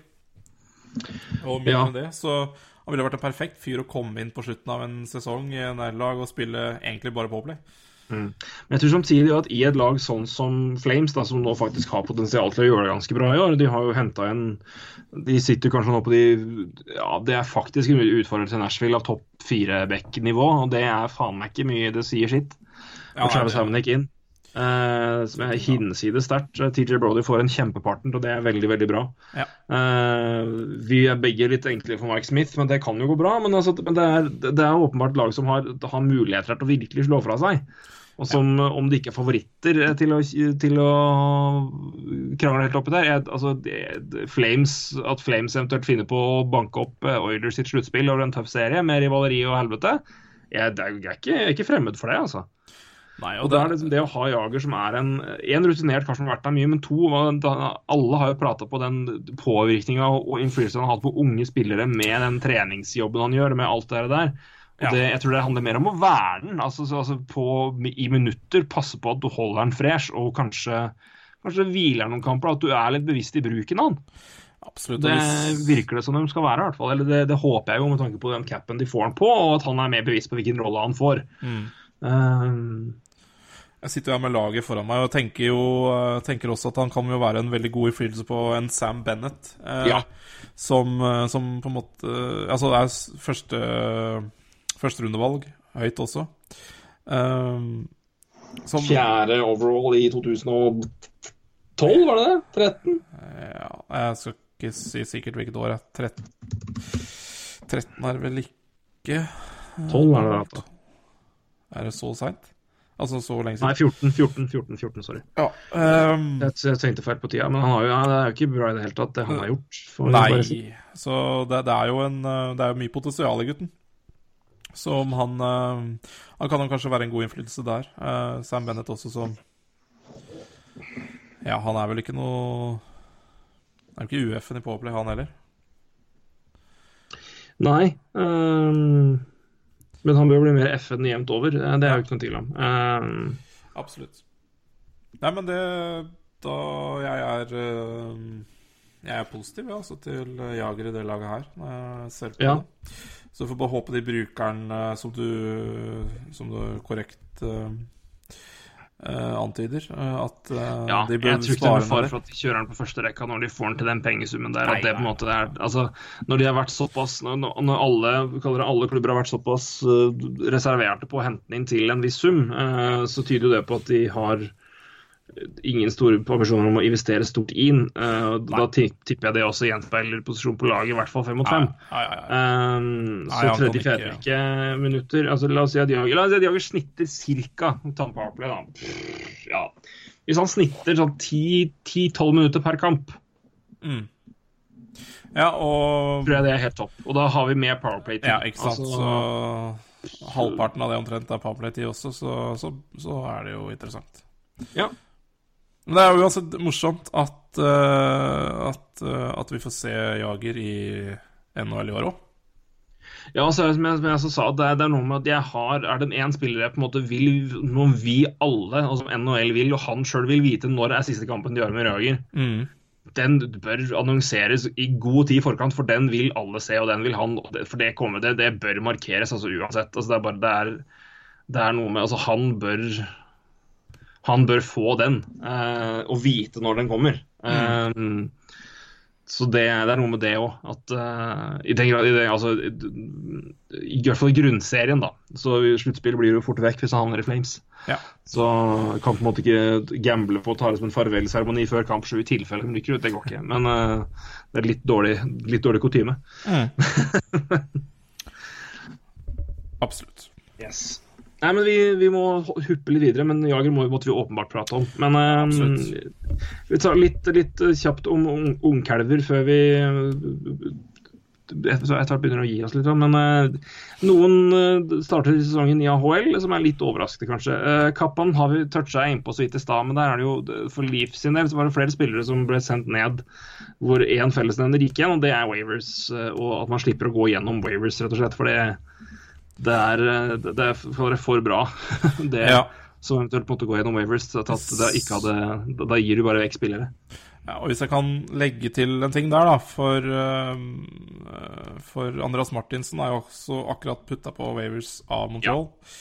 Så tror jeg også det handler veldig mye om akkurat dette med Wavers. Nå må jo Andreas Martinsen gjennom Wavers, men jeg tror det er spillere som han konkurrerer med i stallen, uh, som, har, som, i så fall måtte ned via Wavers til AHL, som har større sjanse for å bli tatt da, enn Andreas Martinsen. Ja. Tenker på en Jacob Delaros, uh, for eksempel. Så Charles Hudot, men han har spilt seg, spilt seg nok uh, ganske sikkert inn i NHL-stallen. Så, så, så, derfor tror jeg nok det er grunnen til at Canadiens putter han på Wavers i dag. Kontra noen ja. andre. Som jeg tror nok, Han har ikke direkte gjort seg bort, men det er nok andre som har, andre som har gjort seg mer fortjent. da, Og unggutter som kanskje har vært interessante for andre. Mm. Nei, det er klart Vi vil jo se Andreas Martinsen i NHL når, når han er der, men uh, det skal jo ikke stikke under stol at han sikkert ikke har vondt av å få litt mer uh, Kaller det matching på et lavere nivå hvor han kan kanskje finpusse litt mer ferdigheter i ja. NHL. Ja, helt klart. Og så tror jeg han får det jævlig moro i uh, den nye AHL-klubben til Montreal Canadiens i Laval. Uh, som akkurat åpna en ny stadion i helga, eller arena i helga. Jeg så, så, den matchen uh, på AHL TV. Uh, og det var uh, fulle hus og meget fin hall, så han kommer i hvert fall til å komme til kanskje den den uh, fineste arenaen har vel i hvert fall. Og et, med, altså et, lag som jeg tror kommer til å være meget bra i år. Ja. Det er stas med nye arenaer, altså. Jeg var på Vålerenga stadion på lørdag, på cupsemifinale. Det ja. Makan flott anlegg. Ja. Det var fint. Ja, jeg syns uh, jeg... Altså, fint. Altså, det er innredning og alt mulig. Altså, sånn, visuelt sett skal jeg ikke si så mye om, men uh, jeg syns det var en veldig fin det, var, altså, det er bare, bare det å komme til liksom, siden, bare å være en ny arena og se at alt rundt er nytt. Alt er fint. Alt utstyr, alle stoler er helt spot on. Ja. Det, er noe, det er noe digg med det. Ja, jeg skjønner ikke helt det der med at du skal plassere tilskuere så jævla høyt oppe. Altså, den første Nei, raden den, den, den reagerte jeg på sjøl at den er litt rar. Det er liksom Det er Fort Knox uh, som skal bygges, da. Det er jo ikke snakk om å liksom være veldig publikumsvennlig sånn sett, men uh, det er greit. Uh, den, er, den, er, jo... den syns jeg var litt Den synes jeg var litt merkelig. så Ja, nei, jeg skjønner hva du mener. Den, den, den, den reagerte jeg på når jeg så den. Ja, OK, det er sånn overalt, ja. Men, eh, men av eh, gleden av å sette seg på et, eh, at alt du bruker rundt der på anlegget er nytt. Det er jo det han og sikkert også trenende spillere vil merke i garderober og alt sånt. Det er jo det, det, det er smooth, og det er Det gjør det bare bedre. Det hjelper litt på tilværelsen i hvert fall. Absolutt. Vålerenga trenger det. Så ja, eh, men eh, klubben trenger kommer sikkert å synes det er stas, som du sier, med nytt anlegg og i det hele tatt. Og så er det jo interessen rundt altså Det er jo noen steder det er sikkert litt mer moro å spille AHL enn andre. og AHL-klubben til, til, Montreal Canadiens i det, det er vel Quebec-området, er det ikke det? Jo da. Det er, jo, de, de, de er ikke, det, er ikke, det er ikke tomt når de spiller, for å si det sånn. Det, det er helt riktig. Så det, så. det, er i hvert fall en av de mest spennende AHL-klubbene å spille i det kommende året, da, hvis det er en trøst. Ja. Som det helt sikkert ikke er. da. Han vil vel sikkert spille NHL? Men han tjener samme uansett. det, det gjør han. Det også er jo kjempegodt poeng. Han tjener nøyaktig det samme som han gjør i NHL. Jepp. Uh, Kappan har vært inne på sagt, ja. Uh, Thomas Chabot uh, trodde jeg skulle plasse inn på forsvaret til Senator, spesielt med Erik Karlsson litt usikker. Den, han er, det er jo helt ukjent når han kommer tilbake. Det snakkes om at han er på vei tilbake allerede nå. Mm, ja, og at Chabot er Det er derfor han blir sendt ned. Jeg vet ikke helt om jeg kjøper helt det, med en nesten sånn halvrobotfot, Karlsson nå. De kutta vel omtrent halve beinet i ankelen og plasserte inn en ja, metallrobot-ish ting. Ja, Norge er robot fra før, så. Ja, vi fra før, så var det Men, men interessante, interessante, sitater fra Karlsson om det, og at det, det føltes veldig annerledes å, å, å gå på skøyter. Ja, det tror jeg på. Eh, Eh, og det er jo altså det er jo én, ikke rart når du er vant til å spille med brøkk i ankel i tre måneder, det må jo sies. Eh, men to, det er jo interessant eh, og litt ikke urovekkende, men det skal bli spennende å se eh, om Karlsson eh, altså, Kommer han tilbake uten å ha lost a step, eller trenger han tid på å venne seg til eh, Du har jo døpt det Bionic Foot i Canada og USA. Det er jo, altså, han har jo måka inn en, en bytta bein med metall pluss litt teknikk, eh, teknologi. Eh, Det er jo ikke bare bare det, men det blir spennende å se i hvert fall. Absolutt. Han er jo leste jo siste nytt, i dag. han regnes jo, regnes jo ikke med å skulle starte i Starte første kamp, i hvert fall. Så får vi se Nei, og det skulle jo bare mangle, holdt på å si. Han har jo ikke vært i nærheten av å virke klar før i hvert fall i året september. eh, Men det begynte liksom å bli prat om det nå at han i var på vei tilbake før man trodde. Men eh, det er vel litt i overkant å begynne å tro at det skal komme nå, ja. Eh, Men Chabot nede. Colin White også kjempa om en plass i senter, så han ble skada ute til fire-seks uker til omtrent. Eh, også førsterundevalg fra, fra Ottawa. Ja. Eh, men han, eh, altså han eh, venter litt. Han. En annen kar som jeg trodde skulle få bli værende i NHL, men som nå er sendt ned til står det dere Commodores er navnet på laget. Hvor de plasseres, husker jeg ikke helt, men Edmonton Oilers og Jesse Poljørvi. Eh, du har sett litt på den, for du kikka litt på Edmonton-ting med tanke på draften vår, og du kan si hvorfor han er sendt ned. Ja, det var ikke um, eller, Ja, jeg så vel for så vidt uh, etter en god del sitater om Oilers sin preseason pga. fancy, ja, det er korrekt. Um, nei, det var um, Det var ikke noe sånn spesielt uh, hurrastemning og hyllest av hva han har holdt på med i preseason, rett og slett.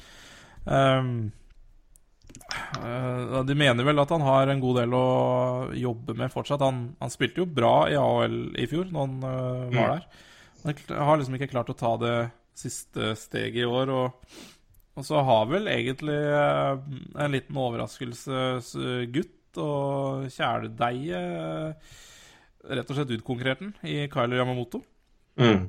på, på en høyreside i, eh, i Oilers. Så, så hvis det sto mellom de to, så, så føler de vel at det er Yamamoto som har fortjent det mer, og det er vel vanskelig å motargumentere. Yamamoto som Ja. har vel fem mål eller noe sånt i preseason.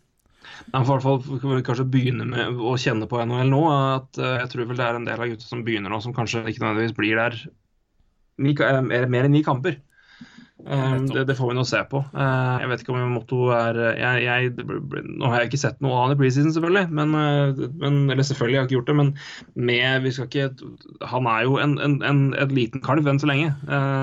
Ja da. så han, han får jo altså klart Hvis han kommer opp dit og blåser inn ti poeng på sju kamper, så tror jeg de ikke sender han ned til AHL. Eh, det tror jeg ikke. Men eh, litt realisme får vi ha. Ja, ja, jeg, Men, eh, men, det, jeg, men for å si det sånn, er, er du overraska over, over at det har blitt sånn at Puljärvi blir- har blitt sendt ned, spesielt etter det han presterte i AHL i, i fjor? For det, det han gjorde der, var jo meget bra. Nesten ja, 30, var det 28 poeng på 36 kamper. ja, overraska Jeg er jo Hvis jeg hadde sett altså, altså, har, du satt opp, har du satt opp Oilers roster før campen, så hadde Ja. du satt på Gjørvi på andre-tredje rekke, vil jeg tro. Ja, helt klart. Ja, Eh, det er ja, det er jo helt klart. Og så så er jo der jeg mener Kalle Yamamoto har, har eh, rett og slett eh, spilt seg inn foran Ja. Poljarvi. Uh, å drive og kjøre Poljarvi ned i en fjerde rekke, f.eks., er jo bare tull. Nei, nei, nei. Det, han, han, Så- trenger, han trenger istid, han trenger minutter, og det er jo litt derfor også. trenger istime også. Og når han først spiller NHL, så trenger han eh, det med med ganske bra medspillere, selvfølgelig. Han trenger Ja. liksom Han trenger uh, Trenger selvtillit. Og det Ja. tror jeg også ble også nevnt av uh, Av uh, general manager Team Rutherford. Nei, eh, herregud. Eh, Ikke det. ikke Rutherford, men eh, han Herregud. Ja, det, er det, har vi hjertet begge Ah, to. Boston Er det mulig? P- Pete Nei, jo Pete Shirley. Peter Shirley. Aff a meg, det, nå var det mye rør her fra Boston. Ja, Boston men det er så fælt når du står helt stille. Du, av, dette, nå, av så det er sånn øyeblikk hvor du på en måte ting du har sagt 1001 ganger, og så Ja. 1002, da glemmer du det helt. Ja, Vi hadde, vi hadde quiz eh, på eh, Vi var på jobbsamling eh, på eh, eh, Hva heter det? Flesberg hotell, faktisk. eh, heter det, eller Lampeland hotell. Lampeland hotell. Veldig flott sted. Er dere på Fart i Numedal, stopp innom der, ta en natt. Kjempefint hotell. Det var utrolig flott. Mm. Men da hadde vi quiz. Og vi fikk spørsmål eh, opprinnelsen til følgende to øl. eh, Det var eh, Stella Artois og Staropramen. Eh, som vi, som vi festa oss med respekt for øl eh, og oss selv vet, så er det Belgia og Tsjekkia. Torgrim Bakke var, klarte ikke å finne ut hvordan Tsjekkia skulle skrives eh, den kvelden her. Jeg skrev Tsjekkia korrekt og måtte sjekke tre ganger. Er det sånn? Det ser helt feil ut. Det, det var riktig. Det er, det er sånn. Ja. Det skjer iblant. Har jeg skrevet Tsjekkia før? Ja! Ca. 700 000 ganger Ja. gjennom eh, NHL-prat-blogg og alt mulig. Vi skrev om tsjekkerretsen her. Ja. Men den kvelden her, Tsjekkia, fullstendig Det var et helt ut, det var et helt fullstendig tysk for meg. Jeg hadde ikke peiling. Det så helt feil ut. Men Ja. eh, Det, det er noen ord også riktig, som man, eh, som man liksom har skrevet en million ganger, som du sier. Som bare, det ser jo helt feil ut, og så er det helt riktig. Det er sånn der, det- er eh, hjerneblødning innimellom, altså. Ja. Så det, det nå var det pitch Nei Men jeg også hadde helt glemt Jeg, jeg kom ikke på noe, så smalt det inn. Men det, det er også en fin type, men han er ikke, ikke Trend manager i Edmonton Oilers. Det er han definitivt. Nei, det er han ikke. Han er, Han er suksessrik i en annen. han er det. Skal også bli spennende å se hvordan han klarer seg uten sin assistent det kommende året. Ja. Nå er det Boston. Går vel bra. Det får vi tro. Um, men jeg tror samme som vi prata om med Polojärvi, men kanskje litt andre årsaker, er en meget omtalt uh, svenske som uh, spiller, uh, skal spille for eh, Philadelphia Flyers en gang i tiden, men ikke fra eh, puckdrop 4.10 i San Jose. Oskar Lindblom er sendt ned til AHL. Eh, litt overraskende for de fleste, inkludert meg. Um, han har vært bra i preseason, men det som har vært eh, litt eh, nok på han, visstnok da, har vært eh, mengden kamper eh, og Eh, altså ikke at den, men han, det, det, det tærer på. Så det er jo det med å få AHL-tid, både én for å få skikkelig spilleminutter, eh, altså nok minutter på isen per kamp, og to å venne seg til det kjøret. For det er jo en, eh, det er en overgang fra Sverige til eh, NHL med, tanke på tempo, eller eh, ikke tempo, men hyppighet av kamper og reise, ikke Mm. minst. Mm, absolutt. Så, eh, og det her er eh, Jeg tror ikke de Hekstål av alle vil ikke forhaste spillere inn i roller de på en måte eh, hvor de havner eh, i, på dårlig sjøltillit. Hvor de ikke får god sjøltillit. Eh, Nei, for, eh, for, for, for Det er jo Topp seks der er eh, Hvordan ser den ut nå, Torgrim? Det kommer jo veldig an på hvordan, du, hvordan de skal Ja. bruke Claude Giroud. Det er jo det som er spørsmålet. Eh, det jeg, de har prøvd ham på wing nå, eh, Med det Patrick, vært ikke sant? med Jean Couturier. Ok, Jean Couturier- Voracek og Giroud. Eh, Så i seg sjøl er ganske interessant. Fem mot fem så er det jo en, en drive playdriving-linje av dimensjoner, i hvert fall Voracek og Couturier sammen. Og Giroud, da får du han ut av senterposisjonen og litt mer plass på ving, som kan være positivt. Men igjen, nå, du har, nå har du potensial til å ha tre sentre av typen Couturier, Patrick og Giroud. Eh, og det er nok altså, vingtalent satt til å for- fylle opp der. Ja. Mm. Uh, så det, det bør jo være Det bør jo være ideelt sett. Jeg ønsker meg jo at de tre uh, At de tre er én, to, tre sentrene, hvor kanskje Jean Couturier drar mest minutter fem mot fem, og Claude Giroux drar mest istid totalt av dem pga. Powerplay. Mm. Forhåpentligvis da, og ikke at det er uh, Couturier pga. penalty kill. Eh, men det er flere er snakk om, så man vet jo aldri. men eh, Ja. jeg håper jo det. Men, eh, men samtidig så er det Jeg er ikke helt imot det, den tankegangen. Men, samt, men samtidig, jeg håper jo ikke det er sånn at de putter inn Giroud der for å plasse inn Valtere da som er en stoppcap et år. Mm. Eh, så jeg håper jo det at det er en, en, en treersenter vi kommer til å havne med etter hvert. For det er, eh, det er, nok, Ja. det er nok av vinger som, som kan få plass. eh, plass Men- der nå. Jeg håper også at de bruker eh, vingene der de på en måte bør spille. Uh, Travis Connecting spilte på feil side hele fjor, blant annet. Han er vel best på høyreving, spilte venstreving. Ja, for, for da, ikke sant eh, Topp tre er da, i hvert fall sånn som du sier nå, Couturier, Voracek, Giroud. Ja. Giroud på venstre ikke sant, og Voracek på høyre. Ja. Og en andre rekke er da Nolan Patrick, eh, Wayne Simmons, Simmons og Jordan Wheel, antageligvis. Ikke sant. Og Lindblom er venstre, ikke sant? Og da vil det være kon konkurrert med en Jordan Wheel, da. Er det sånn, kanskje? Og hvis Er vel venstreving, er ikke det? Jeg skal være forsiktig. Han, han må jeg bli Nå har jeg pipestemmen min nedi og søker. Eh, han er venstre, ja, venstre og høyre, men venstre er vel den har blitt brukt mest. Ja, er vel det. så uh, det, er, Lindblom- altså, det er vel han potensielt sett uh, snakk om Å, herregud, så stille. Uh, eh, tredje rekke da ville fort vekk vært uh, Dale Weiss, uh, Filppula og Lindblom, da. Mm, ja. Og så har du en fjerde rekke da med Taylor Lear, uh, Scott Lawton og Michael, Michael Raffel. Mm. Kunne eventuelt vært Raffel, uh, Filpla og, og Lindblom, da, men uh, Ja, tenker jeg at jeg tror det er lurt å starte Lindblom i AHL der, altså. Og heller, eh, og heller bare ta han opp hvis f.eks. Jordan Wheel ikke For han avslutta jo knallbra i fjor. Eh, også hvis, hvis han ikke fungerer, så har de jo Lindblom der de heller kan prøve. Ja. Jeg tror det heller også er det at du, du kanskje holder uh, Letera og eventuelt også Jeg tror planen opprinnelig er å ha Matt Reed oppe for å holde de skal si, i aksjon og i en situasjon sånn at hvis noen klubber virkelig trenger å, å fylle på med, en, med greit offensivt uh, altså offensive spillere som kan i hvert fall gjøre en decent jobb, så kan du sende de gutta ut at nei, de spiller uh, så mange minutter, de spiller tredjerekke og har en grei produksjon, og så kan du ta halve lønna og sende dem vekk, og så kan du da la Lindblom få de minuttene han trenger i AHL, venne seg til å spille der, og så komme, komme opp når han har tid. Jeg, er ikke noe, jeg vet at veien opp er kort for hans del, så jeg er ikke superskuffa. Uh, men jeg er jo hakket mer tålmodig enn de fleste Flyers-fans. da. Jeg har jo venta på en rebuild siden jeg var 13.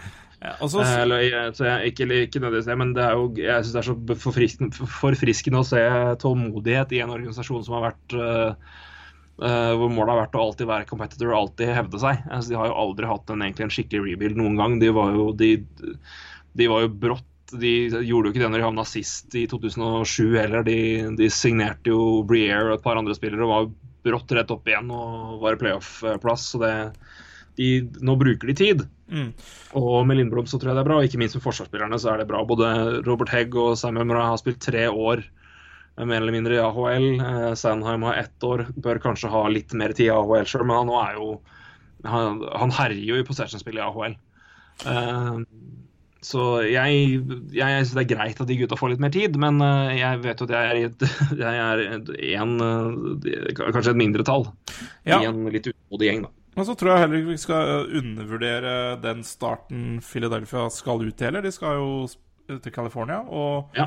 starte, starte rett og slett bortkjøret der mot eh, ganske tøft lag. Og det er jo Jeg vil jo si det er veldig tøft å skulle komme i en NHL og skal spille første bortekampene sine mot ganske tunge lag i vest der.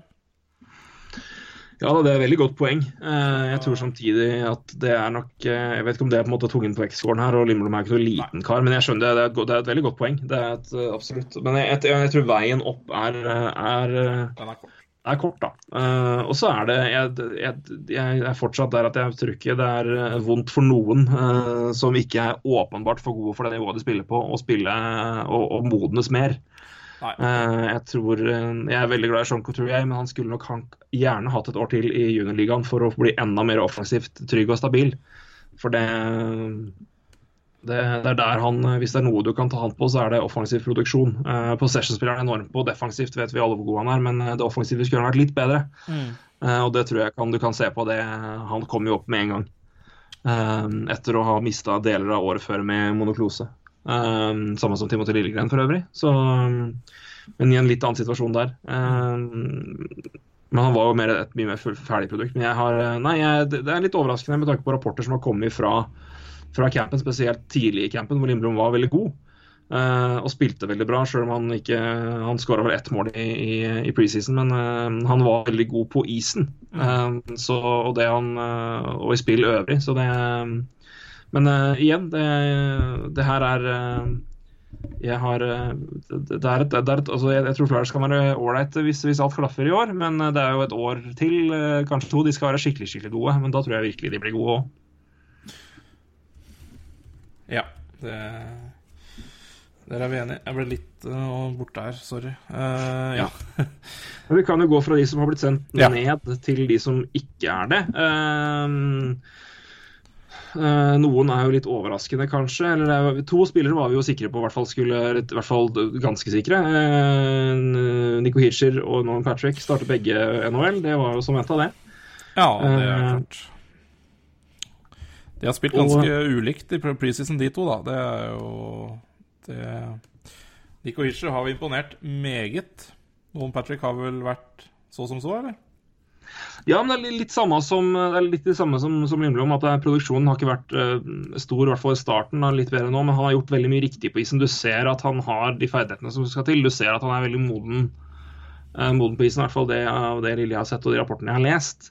Så jeg, har ikke noe, jeg er ikke noe redd for han sin del. Uh, og, um, men samtidig også er det jo spørsmålet da med hva, den tida han mista i fjor. Uh, men han ser jo helt fin ut fysisk, i hvert fall, og det er jo veldig viktig.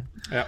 Um, men igjen, Hirscher har vel kanskje fått en litt mer Jeg vet ikke hvor mange minutter og hvem han har spilt med. Patrick har spilt med litt, litt mer forskjellig.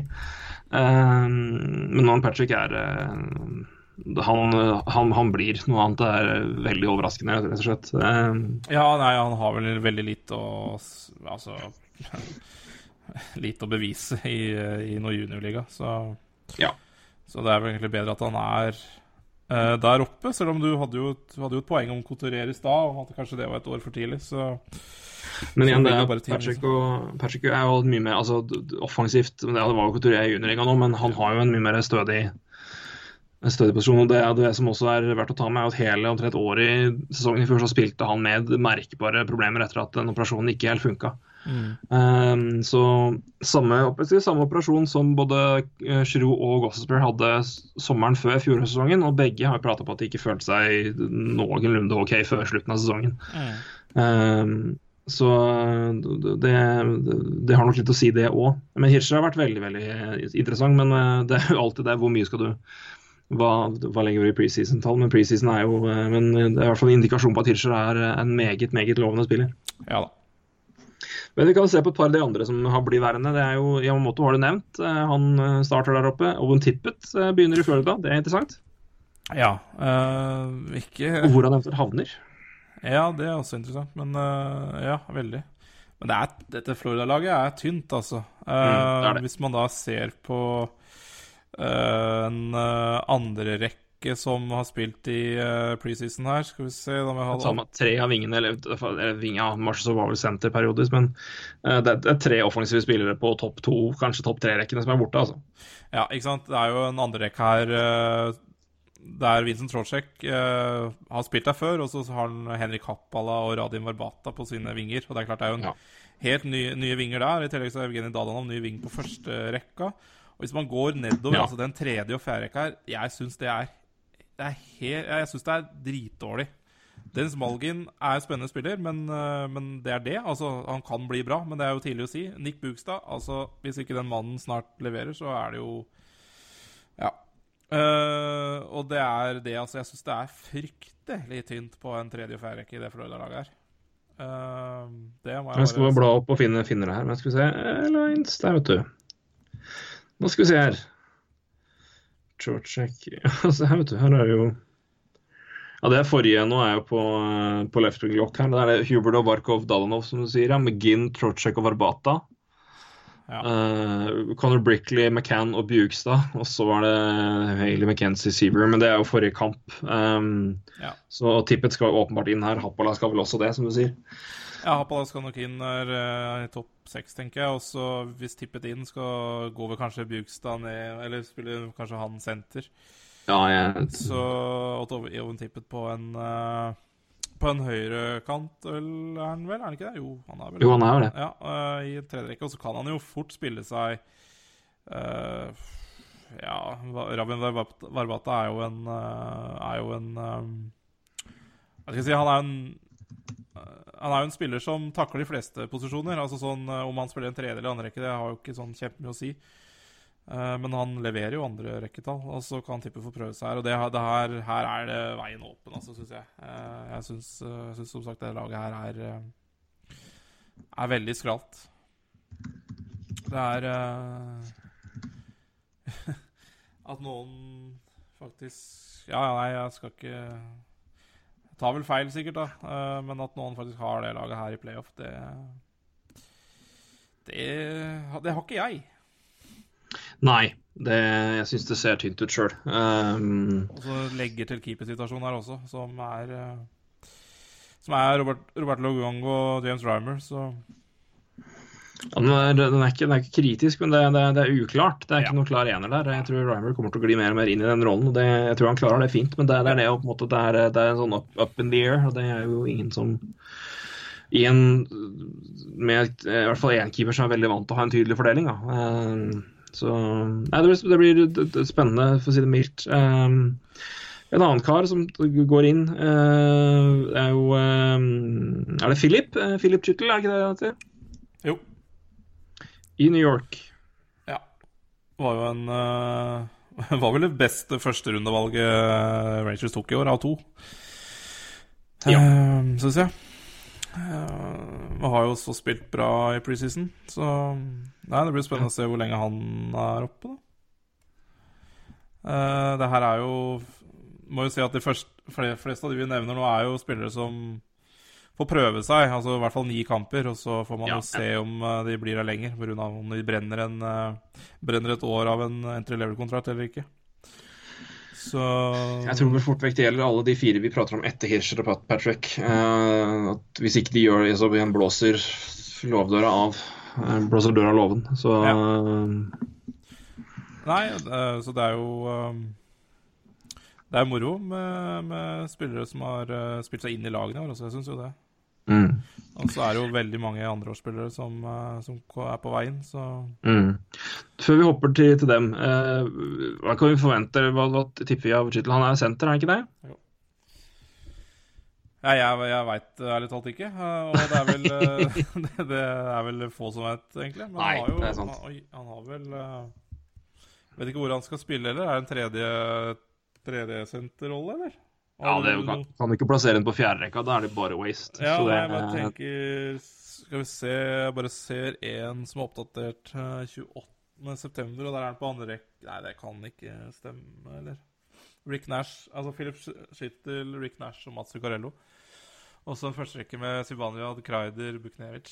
Eh, nei, jeg tror ikke helt på den der, altså. Men eh, Nei, jeg tror Men eh, det, det kommer an på hvem du vil ha der. Men det, det er mulig de setter deg bare for å gi, en tid og for å kjenne se på ting. Men det tredjerekkesenter tror jeg nok er mer eh, riktig. Uh, og så får det i hvert fall sett hva han har å bringe til, til, til klubben, og hva, hva han må jobbe med. Og han får kjent nivået, og så er det nok takk for seg.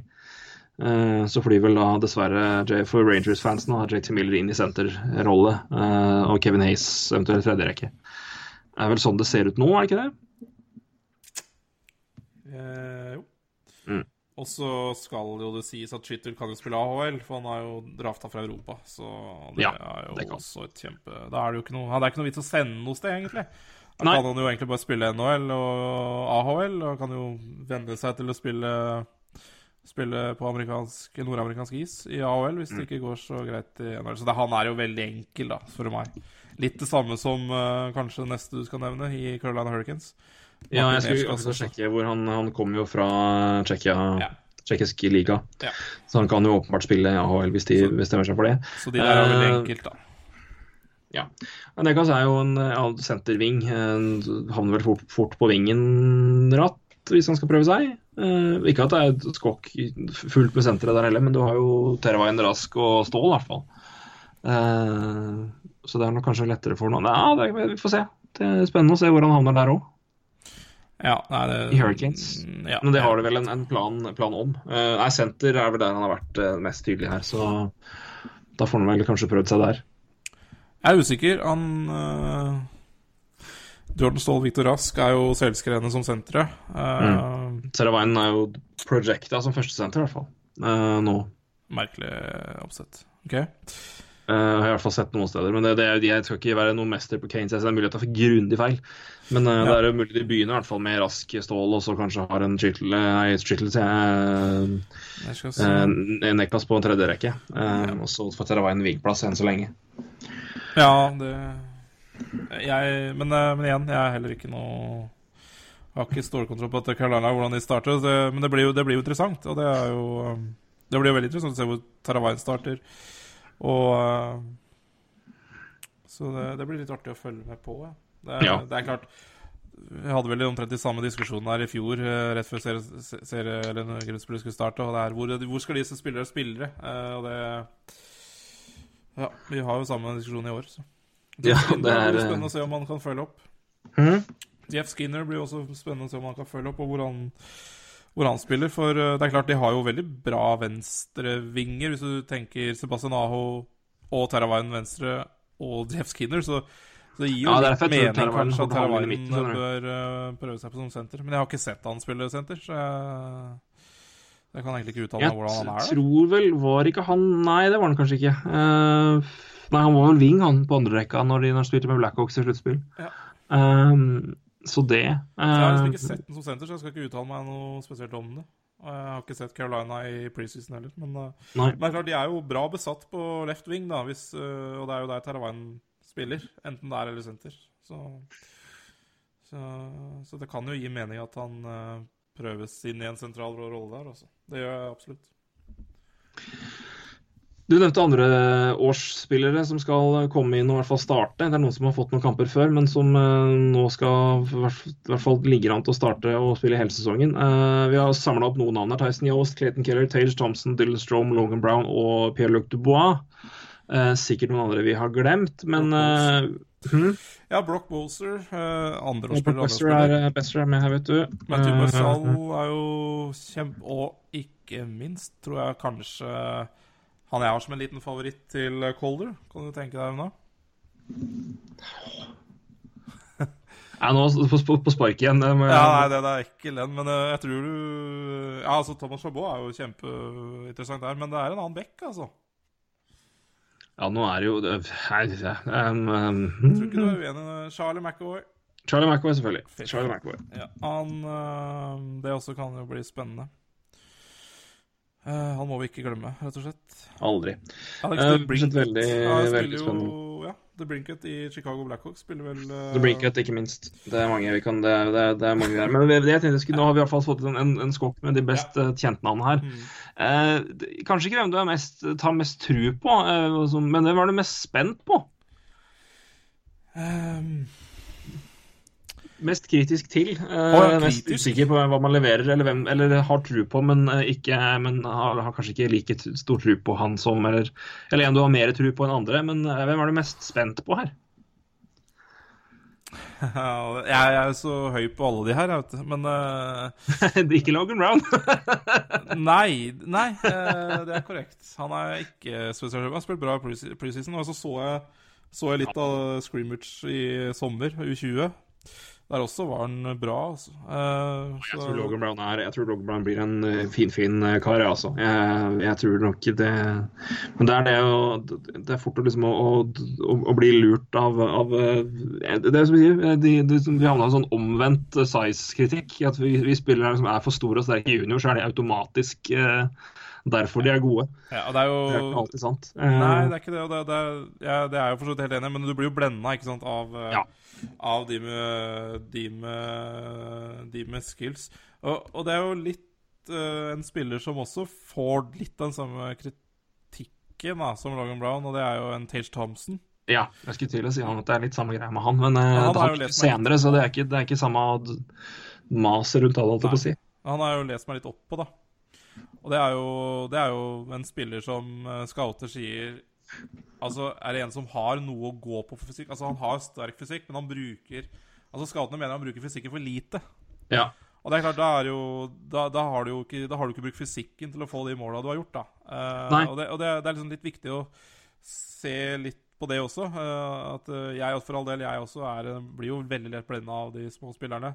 Uh, men det er litt greit å lese litt mer på de spillerne her før man tar en konklusjon, i hvert fall på de store.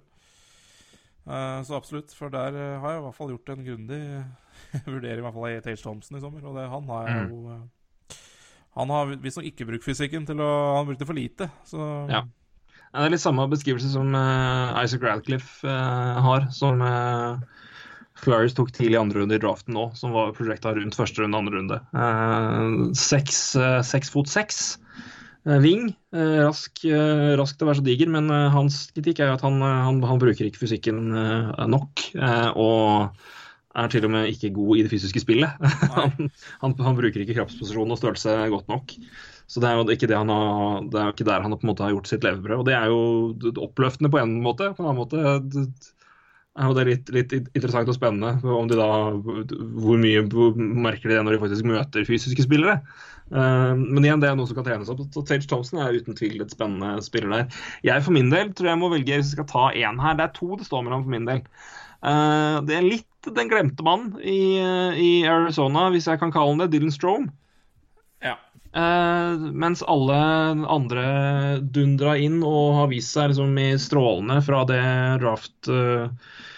draft-kullet der, i hvert fall tidlig opp. Vi er åpenbart uh, McDavid og Eichel. Vi har Mitch Marner, som har vært en uh, åpenbaring i fjor. Jan Provorov uh, var en strålende rookiesesong. Zach Wrenski, ikke minst.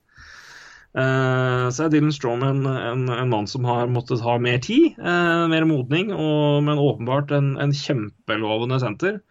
Men har jo da også i eget lag havna litt i skyggen av Clayton Keller. Uh, og all hypen rundt han. Så Strom har liksom havna litt i bakleksa, uh, hvis det er lov å si det. det. Så han er jeg spent på at, om det, han kan på en måte stå fram og vise hvorfor han var valg nummer tre. Uh, og bevise det, det, det, i, når han får muligheten nå igjen, da, etter å ha hatt et år til. Ja.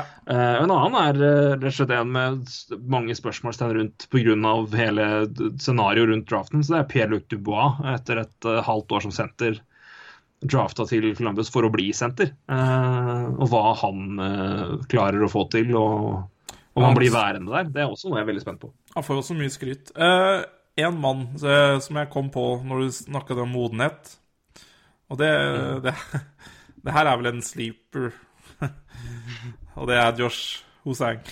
Josh Hosang er også interessant. Ja. Er det noe å si sleeper? Ja, jo, det er jo kanskje det man kan Når han forsover seg, altså. Her var dro Ja, sånn. Det, det, da, nå, skjønte, nå, skjønte, jeg hva du mente. Ja. ja. oh, ja, jeg ser hun jeg trenger litt NHL-prat. Det er ikke bare spillerne som trenger preseason, de trenger litt trening for å komme i matchform for å ta ordspillet her. Ja, er det et, eh, en podkast hvor ordspillene flyr fort, så er det her. Så den burde jeg tatt. Absolutt. Men, uh, Nei, han også har jo vokst uh, mye uh, siden han forsov seg til camp i fjor, var det vel. Så, og har jo har jo vært med på, på rookie-camp i år også, selv om han ikke måtte. Så var han til stede. Uh, sikkert for å, for å være et eksempel på hvordan man uh, ja, ikke kommer seg til NHL fort som mulig. Men han har jeg, han har jeg troa på har vokst stort siden, siden den gang, og tror jeg får en ja, fin, fin sesong i, i Islanders. Som de trenger. De trenger, ja. de trenger virkelig hans talent.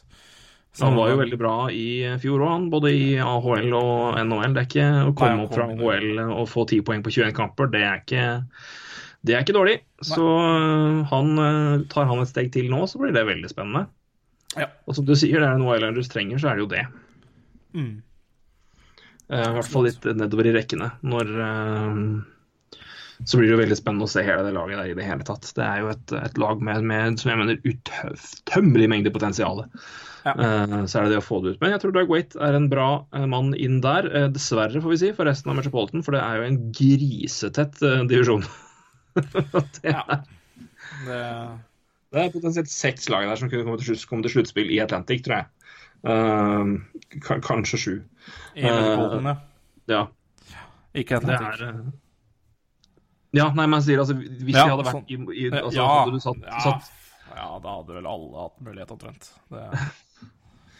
Så det er, nei, det er veldig Men Holsang er en interessant, uh, interessant tjommi å nevne uh, der, altså.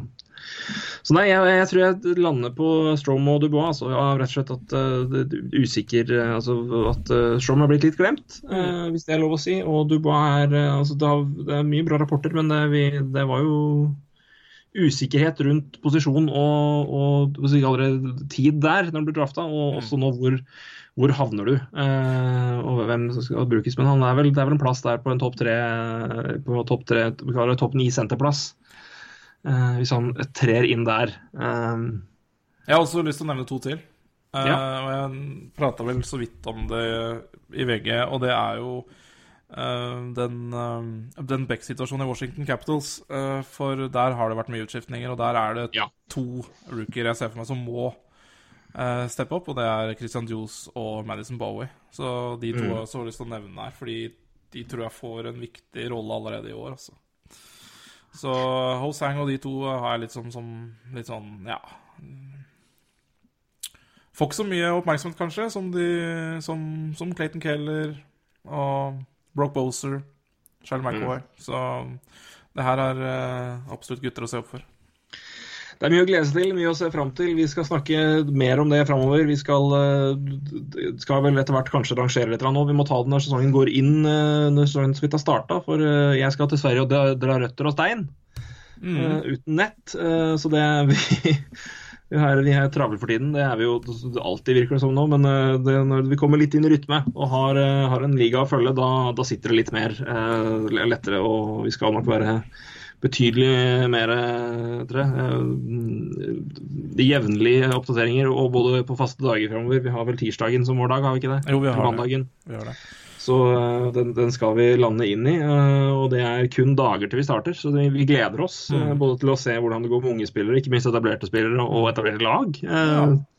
Det er masse, masse å se på her. og Jeg syns det er en, en mer åpen og Det var det i fjor òg, men jeg syns det er mer åpent i NHL nå enn det har vært på mange mange, mange år. Og det syns jeg er helt eh, fantastisk morsomt. Ja, helt klart. Det er, eh, det er vanskelig å se Altså, man har jo sine favoritter, men, eh, men det kan gå i alle retninger, det her. Altså. Eller det er mange som har mulighet i år, føler jeg. Føler ja, også, det absolutt. er, eh, føler også det er lag som er kanskje man avskriver litt, og som man kanskje har en Har fortsatt en sjanse, da.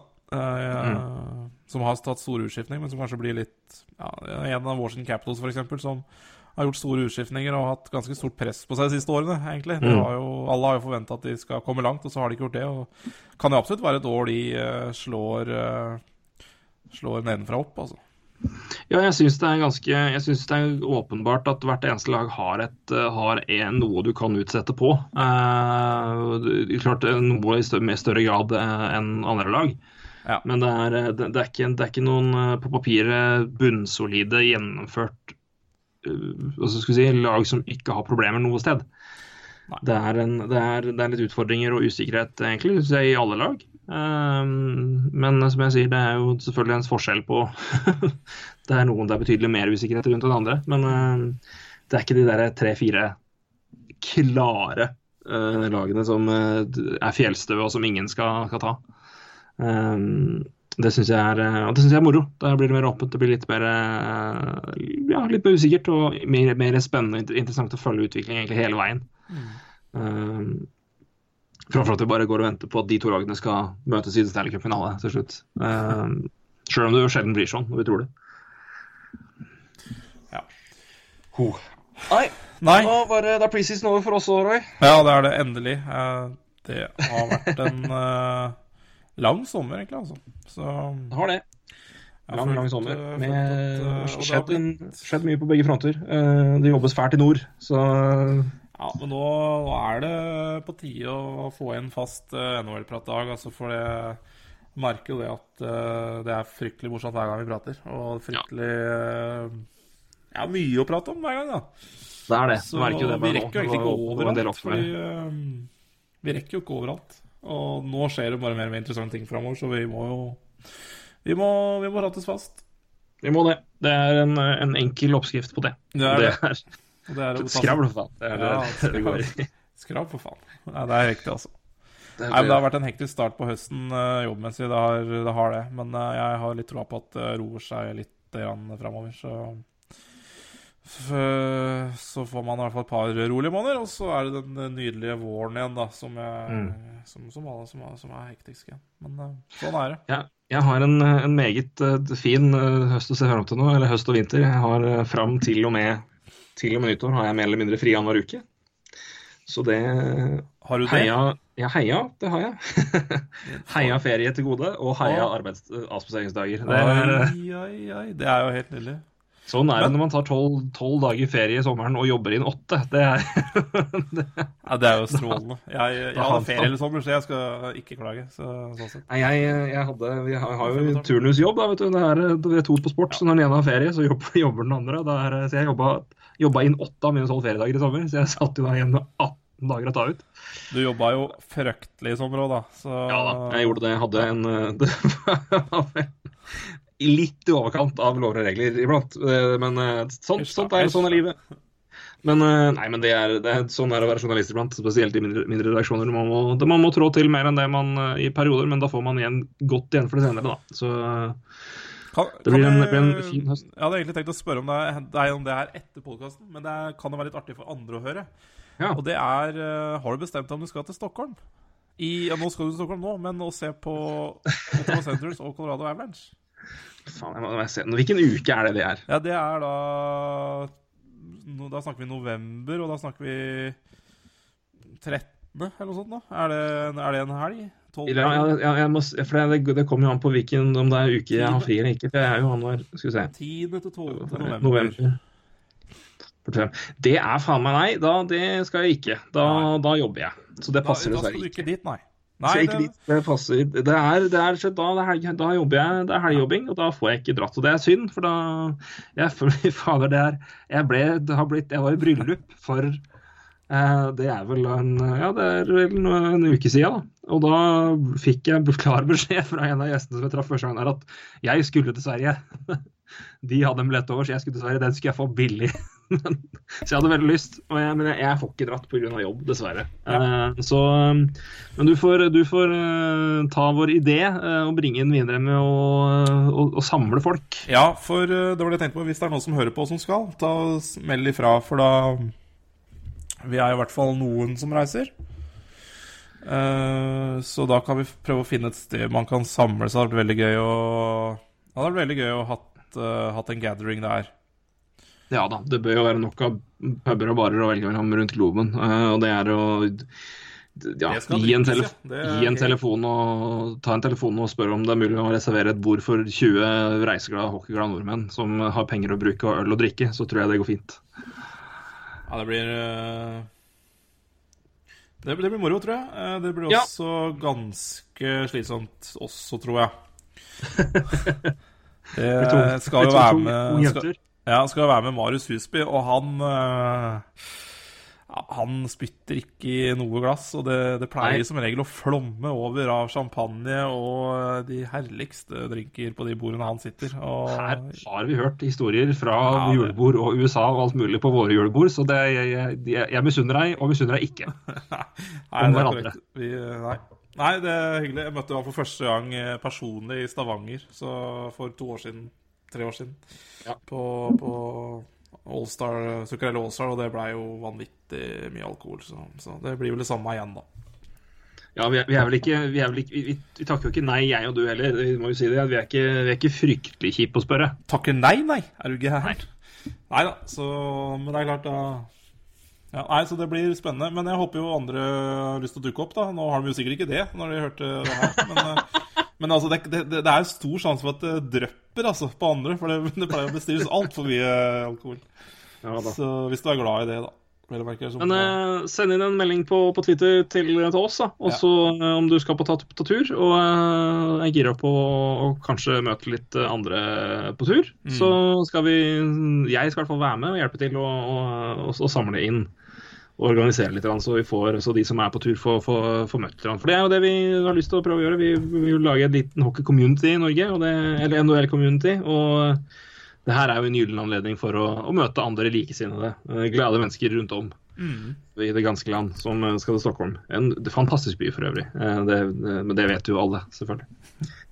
Ja, du skal dit nå, så da du får jo Eller i hvert fall nærheten, vel? Ja da, jeg skal, jeg, skal, jeg, skal ta tog til Stockholm, så jeg får, eh, jeg får dratt inn litt storbyluft. For jeg skal ut uh, tre kvarter omtrent eh, nordvest, nordøst til Nortelje, der vi har hytte. Så der skal, jeg, der skal vi begynne, vi skal bygge en ny gjestehytte der. Så da er det bare å Der skal det, det har blitt kutta skog. uh, Så der skal jeg være med å dra Ja, brenne kvist og rask og bære stein og dra røtter og i det hele tatt. Så det blir, eh, det blir en svett høstferie for Bakke. det, det trengs, det òg. Det er gøy å være der. Der er det faktisk gøy å være med og jobbe. For det er et eh, Det er en eh, Nei, det er moro. Eh, Så blir det vel et jævlig kaldt bad i år òg. Som i fjor. Det høres bra ut. Ja. Det blir stas. Men eh, til next time, eh, god sesong. Eh, Start, får vi si da. Det, nå er vi jo i gang. Neste gang vi prater, så er vi i gang, Roy. Det ja, blir gøy. Ja, det er jævla morsomt, kjenner jeg. Så ja, det er- kribler litt i magen nå. Det skal bli moro nå å komme litt inn i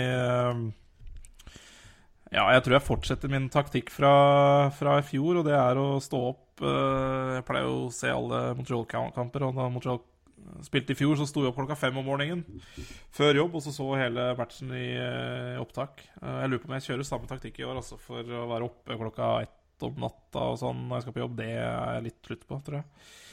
Ja, vel. Eh, så jeg tror jeg kjører samme taktikk som i fjor. Altså opp fem og se match, og så dra på jobb. Forbanna. God taktikk. Forbanna! det, det hører med. Ja.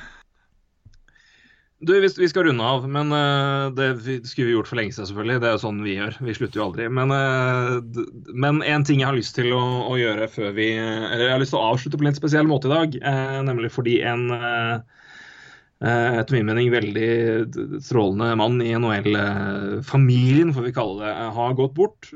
Min, jeg får kalle det nåværende, i hvert fall inntil nå, da. En eh, favorittkommentator i NHL eh, døde, gikk bort eh, nå eh, nylig for noen dager siden. Eh, David Strader eh, slet eh, Kjempa lenge mot kreft. eh, og eh,